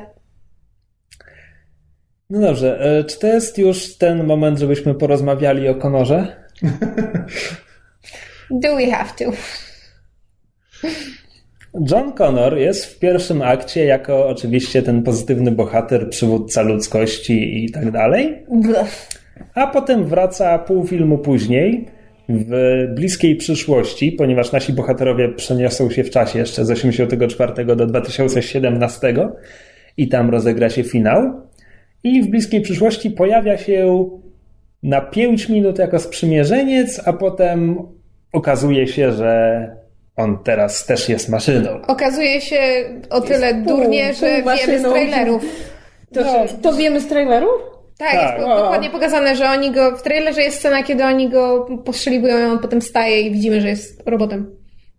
Bez Znaczy, sensu. Tak, w trailerze była kwestia Emily Clark, co oni zrobili z moim synem, czy coś Tak, takiego. no po prostu kompletnie O. to... s- No i Kamil pokazywał plakat. Na plakacie widzimy szkielet z twarzą Johna Connora. No, pół twarzy Johna Connora tam jeszcze jest. No okej, to zawsze... Metalowy szkielet. Powiedzmy, może że dodam. to mógł być tak, to nie musiał być John Connor, ten prawdziwy John Connor, No, powiedzmy, tak, że tak, dałoby się tak. to jakoś wytłumaczyć. Teraz Ktoś się mógł pod jak John niego, Connor. ktoś się mógł pod niego podszywać, no ale jakby wiedzieliśmy, że tego typu twist będzie, coś Okej. z, jakby z y, Tak. identity, I- zapomniałem, tożsamością, tożsamością Johna Connora. Ujmę to tak, mi się to całkiem podoba. Znaczy ten jako, s- jako koncepcja. Jako koncepcja, tak, że ten Skynet szuka nowego rozwiązania i że no, Skynet zawsze przegrywa, więc wpada na pomysł, żeby się połączyć z człowiekiem, bo może faktycznie ci ludzie mają coś w muszczkach, czego Skynet nie ogarnia. Aczkolwiek Skynet to zawsze przegrywał, bo ludzie łapali terminatory i posuwali je przeciwko niemu, ale to detal. Więc to mi się całkiem podoba. Jest zrealizowane tak na 50%. Są sceny, gdzie to gdzie to owocuje faktycznie coś tam jest. Mamy tego Konora, który zachowuje swoje emocje. Ale, ale nie mogą się zdecydować. Tak, ale nie mogą się zdecydować i w finale to już kompletnie nic z tego nie wynika i nie ma to żadnych konsekwencji. No nie no, w finale się na... Tak. I to jest właśnie to, o czym mówiłem. Znaczy, wizualnie Connor nie różni się od Terminatrix. To znaczy, te efekty, gdzie tam mu odrasta, odrasta skóra i tak dalej, Terminatrix wyglądała bardzo podobnie. Tam to było wytłumaczone tylko tym, że ona jest pokryta ciekłym metalem, a on jest. Nawet, ją, nawet, nawet ich pokonują bardzo podobnie, znaczy. Tak, bo. Magnetycznie. Pole tak? magnetyczne, tak. Ma magnesy się pojawiają w obu filmach. Pociski magnetyczne znikąd. Tak, prawda? Pol policja ma pociski magnetyczne. To nie wiem, czy nie najgłupsza scena mimo wszystko wśród wielu głupich nie, scen, to, że nagle na policji są pociski magnetyczne znaczy, i właśnie takich potrzebujemy. Głupsza, głupsza chyba jeszcze scena to jest to, że oni biorą te takie pneumatyczne um, tarany do wyważania drzwi, które nie, nie wywołują odłamków, po czym tymże taranem wybuchają helikopter. Ale wybuchają te helikoptery w taki sposób, że, że Johnowi Connorowi, który ich goni, dzieje się jakaś tam krzywda, ale helikopter zostaje i leci dalej. znaczy, helikopter się nie rozpada w drobiezgi, which is bizarre. No, ale... Tak, natomiast to, co mamy nowego, to jest to, że w tych filmach Skynet był zawsze komputerem, bezduszną maszyną i tak naprawdę nie licząc czwórki, to nawet go nie widzieliśmy, no bo jednak no, był, był lwia część akcji toczyła się w przeszłości i tam były tylko Terminatory jako narzędzia Skynetu. No tak, no bo Skynet jeszcze nie powstał jakby wtedy. No tak. E, ale nie, bo nawet, nawet w tych segmentach, które działy się w przyszłości, nie, nie było czegoś no takiego tak, jak no, no Skynet. Taki... Skynet zawiadywał Terminatorami nie, nie i tyle. Był. Tak. A tutaj nie dość, że Skynet dostaje twarz, to jeszcze dostaje tak naprawdę dwie twarze, bo mamy Mata Smitha jako jego inkarnację awatara cokolwiek i mamy Conora, który niby pozostaje Connorem, ale tak naprawdę jest po części Skynetem i to się to nie jest do końca wyjaśnione. No jest tym takim no, asasynem z zelotą. Tak, tak, tak. Tak, i to mnie, to mnie trochę dziwi, aczkolwiek już wam mówiłem, że w czwórce Skynet miał twarz Heledy Bonham Carter i... O czym wszyscy zapomnieliśmy kolektywnie. No bo czwórka, po cholerę pamiętać o czwórce. Czwórka jest godna zapamiętania tylko dlatego, że Bale wariował na planie i krzyczał na technika od oświetlenia. To jest jakby najbardziej godna zapamiętania czegoś czwórki. Tak, i taki trochę bardziej osobisty konflikt jest faktycznie czymś w miarę nowym w tych filmach. No tylko mówię, jest wykorzystany tak w 50%. Natomiast poza tym mamy, mamy Terminatory z pierwszego filmu, Terminatory z drugiego filmu, tylko że one są w tym pierwszym akcie, szybko znikają, są takie bezosobowe. Najfaj, i najfajniejszym Terminatorem jest ten, którego dostajemy na koniec, czyli T-800 po upgrade'zie. Hmm. Mm. Znaczy, ja, ja, ja, w tym momencie rzeczywiście czekam na kolejnego Terminatora, bo jestem ciekawa, co oni z tym no zrobią. Właśnie, ja nie jestem do tego przekonany, bo... Znaczy, bo czy ubaw... ich to nie ugryzie w... Tak, no bo zabawa od drugiego Terminatora w górę, z pominięciem czwórki, e, polegała na tym, że mieliśmy Schwarzeneggera jako starszy model, który technicznie rzecz biorąc nie powinien móc wygrać z tymi nowszymi modelami. A teraz jeśli on jest na ich poziomie, no to to będzie się mierzył z jeszcze nowszymi modelami. No tak, tylko że oni nie potrafią wymyślić jeszcze nowszych no modeli. Czy mi się wydaje, że to jest furtka do tego, żeby tego Terminatora mógł zagrać ktoś inny poza Schwarzeneggerem. A, nie pomyślałem o tym. Ale masz mieć rację, masz mieć rację. Słuchajcie, nie wiem, na ile pamiętacie te filmy, ale może wyjaśnicie coś, co mnie gnębi. Ostatnim ponieważ... razem, jak zadałeś to pytanie, siedzieliśmy przez prawie godzinę w foodkorcie i próbowaliśmy Nie, nie, nie, to jest, to jest, duże pro, to jest dużo prostsze. I nam nie wyszło. Bo się nie da. Znaczy, pytanie jest tak naprawdę skierowane głównie do Ocean Soul, bo ty oglądałeś te filmy niedawno. No, dzięki. Nie, po prostu, dobra, pytanie moje jest takie. Przez całe dzieciństwo, jakby Terminatorem mojego dzieciństwa był Terminator 2. Ja jedynkę obejrzałem w całości mhm. dopiero 8 lat temu. No. E, więc przez całe dzieciństwo byłem święcie przekonany, że ten zły Robert Patrick to jest T-1000, a ten dobry, starszy model Schwarzenegger to jest T-800. I byłem tak przekonany dlatego, przede wszystkim dlatego, że w grze na Atari tak był podpisany bohater jako T-800. I w tym filmie też mówią o nim per T-800. Tak jest. Natomiast wydaje mi się, że w którymś z pierwszych dwóch Terminatorów i w tym, tym filmie też co najmniej raz pojawia się to oznaczenie T101. Jakby w odniesieniu do tego samego modelu. I ja tego nie, nie kumam. Nie. W ogóle tego nie zauważyłam. Ja zupełnie sobie nie przypominam, by coś pewnym takiego momencie miało w być piątce w było- starych filmach. W pewnym momencie w piątce była mowa o modelu T101, a w jedynce lub dwójce posługują się tylko tym określeniem. Może, możliwe, że w jedynce. Okej, rozumiem, Nie. że to Googlasz? tylko ja pamiętam coś takiego. Tylko Nie, pamiętasz coś znaczy, takiego. Może wiesz, może na przykład T101 to był ten, e, ten zły Terminator, a potem po przeprogramowaniu, nie wiem, może jakieś mu dali upgrade'y. Nie wiem, to jest... A, wiesz co? Dobra. E, model 101 to jest, e, to jest Arni. Że T- T800 to jest oznaczenie jakby Serii. robota, serii, Serii. a każdy, każda twarz to jest inny model. Czyli 101 to jest A, każdy czyli Terminator z twarzą A- Arniego, A, tak? ka- a, a każdy następny to jest tam 102, 103, 100, 100 coś tam. Pamiętam rzeczywiście, te, teraz sobie skojarzyłam, gdzie w piątce było to, to 101.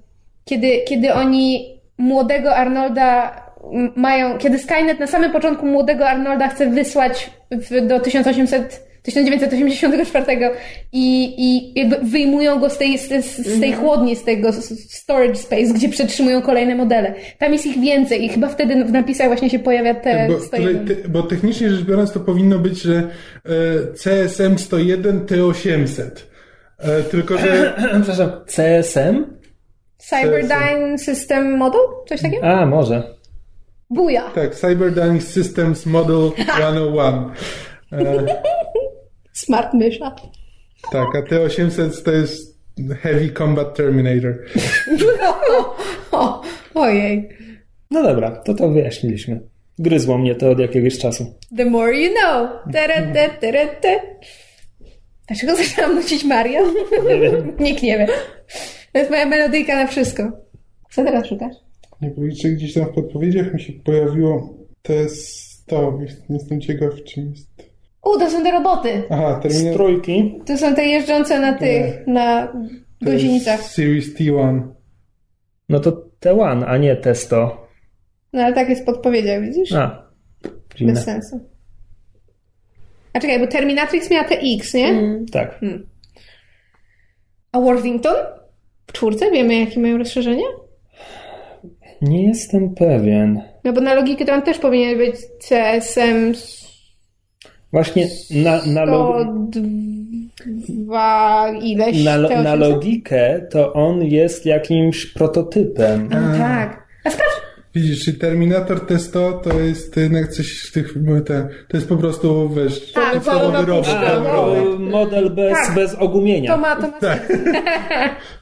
A sprawdźcie, jakim modelem jest Worthington. By the way, to wszystko chyba trzeba wyciąć, bo to jest kompletnie bez sensu. Nie no, sama Może słuchacze też się dowiedzą. im więcej wiecie, The more you know. Series H. Organic Brain, Organic Heart. brakuje mu tylko odwagi. Nikt już nas nie słucha. Gadamy, gadamy do pustego eteru. Żałujcie, że nie słyszeliście tej rozmowy na temat linii czasu. Tak, ale, ale, ale nie powtarzajmy tego, bo Nie, tego naprawdę nie, nie, da się nie. rozwikłać i Tak, Nic musicie nam uwierzyć, sensu. że się nie da. Próbowaliśmy. Próbowaliśmy. Tak, mo- może, ktoś, może ktoś ze słuchaczy wie, w jaki sposób T1000 mógł się przenieść w czasie, e, skoro, skoro metal, ża, żaden metal nie może przejść przez tę maszynę. Tak, na ten temat przynajmniej jeśli nie jest pokryty organiczną materią. mieliśmy Tak. długą dyskusję na ten temat. Te tysiąc się przenosi w czasie, Terminatrix się przenosi w czasie, John Connor się przenosi w czasie. A, e, bardzo podobał mi się ten chwyt, że, że e, Khaleesi i Jai Courtney przenoszą się w czasie do 2017, a Schwarzenegger, Terminator mówi, że tam Wybiorę długą drogę. wybiorę długą drogę. To jest bardzo ładne. Futurama zrobiła to wcześniej. Bender tak robił parę co- razy. Też jest w sumie, e, nie mogę zrozumieć, znaczy, czemu oni, oni się przenieśli na 36 godzin przed powstaniem, znaczy przed włączeniem Tak. się Skynetu. Nie mogli tydzień wcześniej. Tak, cokolwiek Ale tu znowu trochę. wchodzimy w pytanie pod tytułem, dlaczego ktoś się przenosi do tego momentu, skoro mógłby się przenieść wcześniej. Czemu zabijać to dorosłą Sarę? tak. Mogli zabić młodą Sarę. A skoro mogli zabić młodą Sarę, to równie dobrze mogli zabić rodziców albo dziadków Sary. No to, to A, jest a pytanie... skoro mogli wysłać jednego Terminatora, to mogli wysłać Wysłać setkę tak, Terminatorów. albo tysiąc. No to nie tych, możemy py- takich tych pytań pytań można zadawać bardzo dużo tej Moglibyśmy Mogliby się przenieść, e, zabić Adama i Ewę i wtedy ludzkość by w ogóle powstała i nie miałby się kto buntować. To znaczy, wiesz co, tutaj jest, chyba w pierwszym Terminatorze jest pół zdania, które ma to wyjaśniać, że y, ta e, bombardowanie nuklearne, które Skynet przeprowadza na, na, na, na otwarcie, jako uwerturę do, swojej, e, do swojego koncertu, e, zniszczyło prawie wszystkie e, prawie wszystkie bazy danych i tak dalej, i tak dalej. I dlatego on wysyła Terminatora w pierwszym filmie w przeszłość. Ten Terminator nawet nie ma, nie ma adresu Sarah Connor i tak dalej. On musi skorzystać z książki telefonicznej. Więc tutaj możemy sobie uzasadnić, no bo przecież to byłoby takie proste, cofnąć się jeszcze 100 lat wcześniej, kiedy nie ma specjalnie mocnych pistoletów i wtedy w ogóle nie ma siły na takiego Terminatora. Tylko, że Skynet nie ma informacji, którego jednego człowieka ma zabić, żeby U, się nie narodziła na dzikim Connor. zachodzie. U, tak! Och, słuchaj, to przecież można by serię na, wiesz, bliźniaczą do Assassin's Creed'a zrobić z Terminatorami w różnych epokach. Somebody do this. Seriously, ktokolwiek tego słucha, przekażcie ten pomysł dalej, niech ktoś to zrobi. Był chyba komiks, tak, na pewno był komiks pisany przez Franka Millera, który był crossoverem między Terminatorem i Robocopem. W ogóle w, tym, Poszli razem na piwo. na IO9 jakby był taki interesujący, znaczy w ogóle jakby z recenzją na IO9 w tym wypadku się nie zgadzam do końca, tam jest parę, parę takich podniesionych kwestii, które moim zdaniem w filmie są wytłumaczone i to też może być wytłumaczone, ale że na przykład e, to, to Genesis, że właściwie czemu wszyscy są tak tym podnieceni? Szczególnie czemu jest tak tym podniecony młody, młody Kyle Reese, gdzie to jest jakby ujęte, że młody Kyle Reese nie może się doczekać, kiedy jego konto na Facebooku, jego usługi bankowe będą w końcu zintegrowane. Właściwie, no, No ale hej, dostaję taki ładny nowy tablet. Ja podejrzewam, że to jest też gaming system i to dlatego, dlatego młody Kyrie się tym działa. Działa, jara chciałam powiedzieć. Natomiast to, co mnie trochę w tym filmie, znaczy, trochę mnie ubodło, to znaczy jest, do, dosłownie raz jest wspomniane w filmie, e, jest taki przytyczek pod tytułem właśnie tego, że, że, że Genesis, że to jest ten system, który wszystko łączy. Kiedy Kyle Reese i, i, i Sarah Connor się przenoszą do, do właśnie 2017, to w pewnym momencie Kyle mówi jedną rzecz, coś na zasadzie, że spójrz na nich, każde z nosem w telefonie, w ogóle życia poza tym nie widzą. I nic dziwnego, że oni wszyscy się rają teraz tym Genesis, który ich, prawda, e, który zaraz wychodzi, a nie zdają sobie sprawy z tego, jakie to jest straszliwe i, prawda, świat się przez to skończy. I ja tam siedziałam na sali kinowej, jest takie, naprawdę? Nie dało się tego bardziej subtelnie? Znaczy, wiesz co, mi to się, mi to się nawet podobało. To, co mi przeszkadzało, to to, że znowu nic z tym nie robią. No właśnie, tak, wiesz, bo to nie jest wykorzystane w jakiś sposób, to nie jest motyw w filmie, to jest tylko taka jedna kwestia, która scenarzyście przyszła do głowy. O to chodzi. I wiesz, jedna kwestia, która na dodatek też nie próbuje być subtelna, tylko po prostu cię wiesz, walą po głowie na zasadzie mm, B media, B. Przesłanie, patrz, Tak, przesłanie. przesłanie. I nic z tym dalej nie robią. No więc y, sami słuchajcie, słuchajcie, sami słyszycie. Mhm, brawo. Sami słyszycie, że ten film ma bardzo wiele dziur i wad i niedociągnięć i sam nie wie, czym chce być, a mimo to właściwie wszyscy mówimy o nim z uśmiechem na ustach i bawiliśmy się dobrze. Tak, jest jakby dużo. Mm, jest po prostu dużo bardziej udaną kontynuacją dwójki. Od, od trójki, od czwórki jest Tak. jakby.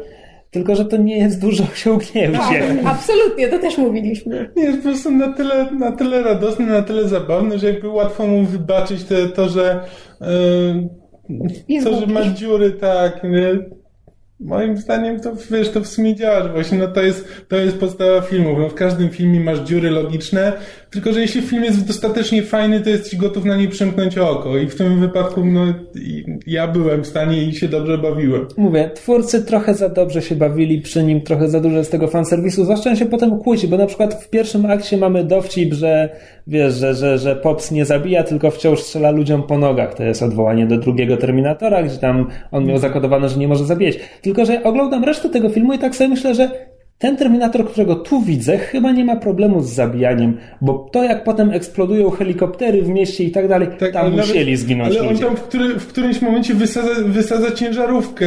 e, A tak, o tym Cysternę. myślę. Tak. Cysternę, o tym cy- myślę. Wysadza cysternę, w której no, ktoś ją musi prowadzić, no. I ktoś koło niej jedzie. Ktoś tam zginął, więc fajny dowcip. W pierwszym akcie nie ma sensu w odniesieniu do trzeciego aktu.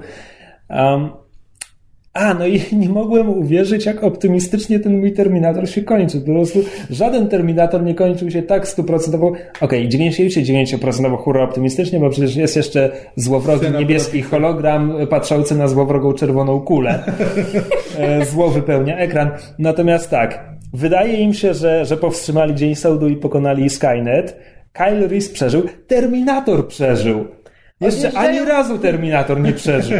Odjeżdżają w kierunku niemalże zachodzącego słońca. Tak, po, to- to po też. obowiązkowym pocałunku. Tak, Tak. także może faktycznie do tego konkretnego filmu trochę bardziej dołujące zakończenie by nie pasowało, bo, bo to nie jest film tego typu. To jest po prostu letni blockbuster, masz się bawić i w ogóle ani przez moment nie masz się zastanawiać, że coś może, może pójść nie tak. Podejrzewam, że dosrają nam w Ale biorąc, biorąc pod Wszyscy. uwagę, kurczę, że nawet, nawet trzeci Terminator, który jest tak strasznie głupawy, miał jaja, żeby zakończyć się z wykopem. Tak, zresztą myśmy z Krzyśkiem rozmawiali, że trójka jest fatalna, ale jedyna- końcówka jest Jedyna jego zaleta, tak. Znaczy ja właśnie dlatego pamiętam trójkę. Nie pamiętam praktycznie nic z filmu, ale pamiętam jakie na mnie wrażenie zrobił twist na koniec. Znaczy nie wiem, czy można to nazwać twistem, ale jakby Nie właśnie powiem. zakończenie. Nie, nie będę spoilować. Mówię ogólnikowo, ale... Chcę sobie nadrobić teraz te A nie pamiętasz? Terminatory. Nie. A, Trzeciego Terminatora nie pamiętam w ogóle. U, nie nice. pamiętam kto, znaczy pamiętam, że grała w nim Kristana Loken i to jest wszystko. Claire Danes. i... Tego nie pamiętałem, dopóki ty mi nie powiedziałeś wczoraj. Nick Stahl, Stahl. Co się stało z tym chłopakiem? I think he like OD'd or something. To prawie jak pytanie, co się stało z Jake'em Furlongiem. On się, nie jest Jake? Edward Furlong? Jake chyba. Nie, Mówisz nie. o kim? O młodym No. konorze? Młody Connor z dwójki. Tak już los konorów. Ja, jakiś Furlong. A no, no, Thomas Decker jakoś się trzyma. słuchajcie, czy, czy jesteśmy w stanie policzyć, ilu aktorów grało Johna Connora w tym momencie? Bo tam chyba... No w jedynce W chyba... nie było, czy W, było? w, w, jedynce, w jedynce jest dorosły w scenach z Tak. przyszłości Tak. przez moment. W dwójce jest dorosły w scenach przyszłości, ale to jest inny aktor prawie na pewno Mhm. i jest mały. W trójce jest e, młodociany dorosły. W czwórce jest e, Christian Bale. No tak, no i w piątce mamy człowieka, którego imienia znowu nie pamiętam. Jason Clark. Jason Clark. Sprawdziłam, sprawdziłam. Okazało się, że grał w wielu więcej filmach niż, niż byłam sobie w stanie to przypomnieć. On ma jakąś taką twarz, która jak wygląda jak wyciosana z gliny i trochę mi się zlewa. No tak, ale Nie, jeśli, wy, nie wybrałabym go z tłumu ludzi. ale jeśli mówimy, znaczy jak dla mnie był obsadzony idealnie do roli faceta, który prowadził wojnę w postapokaliptycznej rzeczywistości, jakby to jest, to jest faceta, mogę uwierzyć, że ten gość coś widział. Dla mnie wygląda trochę jak, nie wiem, chorwacki kierowca ciężarówki. Natomiast zgodzę, no Znaczy, nie, nie posądzałabym go o inteligencję. O tym tak, mówię. Ale Znaczy- nie, nie posądzałabym go o inteligencję Nie. potrzebną dla dowódcy Właśnie, wojskowego. a ja się zgodzę z recenzją zwierza, że nie bardzo ma charyzmę i kiedy przemawia No. do swoich żołnierzy, to też tak Oj nie, to było straszne. nie bardzo. Właśnie to co, właśnie to, to już mówiłem, powtórzę po raz trzeci, że jakby jest on i Jay Courtney to są dwaj aktorzy, których ja nie rozumiem, kto wpadł na pomysł, żeby byli leading menami. Bo jakby Jaya Courtneya bardzo lubię, ale on jest idealnym aktorem po- do tego, żeby grać przyjaciela głównego bohatera. Jak w Spartakusie. Tak. Tak, i do tego się nadaje świetnie. A tamten też prawdopodobnie jest dobrym aktorem, jest, nie jestem pewien, ale coś w jego twarzy i jakby w jego sposobie, jak, mm, jego prezencji na ekranie mówi mi, że Ma takie inteligentne spojrzenie, zupełnie jakby rozumiał, co do niego mówisz. coś takiego, że, ale ma- ma coś takiego w spojrzeniu, co sprawia, że jakby jestem gotów uwierzyć, że jest dobrym aktorem, tylko że no to też jakby do jakiejś roli drugoplanowej, na jakiegoś ojca, czy Znaczy, Nie. nie, śmiejcie się ze mnie, ale ja się trochę zgadzam z tym, co Kamil mówi. To znaczy, jemu właśnie tak inteligentnie z oczu patrzę. To znaczy, właśnie ta taka wyciosana z gliny, trochę taka e, robotnicza jakby twarz i właśnie ta inteligencja w oczach, jakby, ja bym go na przykład chętnie zobaczyła w jakiejś, e, w, w jakiejś, nie wiem, sztuce, najlepiej w jakimś, w jakimś ten, e, e, w Szekspirze na przykład, nie wiem, Hamlecie czy coś takiego. I- Ja nie wiem, czemu ja patrzę na niego i mam wrażenie, nie, chyba, że go widziałem, albo może grał w jakimś serialu medycznym. Mam wrażenie, że po prostu widzę lekarza. Patologa. Możliwe. Wow, ale żeśmy kompletnie odbiegli od tematu. Dobrze, słuchajcie, bo to już naprawdę Dobra, się robi tak. kompletnie niepoważne. E, kończymy na dzisiaj. Dziękujemy e, Oci za obecność i za rozmawianie z nami. Ja również dziękuję. Tak jest, zawsze jest nam bardzo miło. E, dziękujemy Wam za uwagę. Przepraszamy, że e, po drodze temat nam kompletnie uciekł. Kamil może to jakoś wyedytuje. Wymontuje. Dlaczego ja cały czas tak mówię? Tych dygresji nie da się, nie da się wyciąć. Ty możesz przepraszać, ja niczego nie żałuję. No i to tyle od nas i do usłyszenia w przyszłym tygodniu. Chyba, może. Do usłyszenia następnym razem. Papa. Cześć. Ej.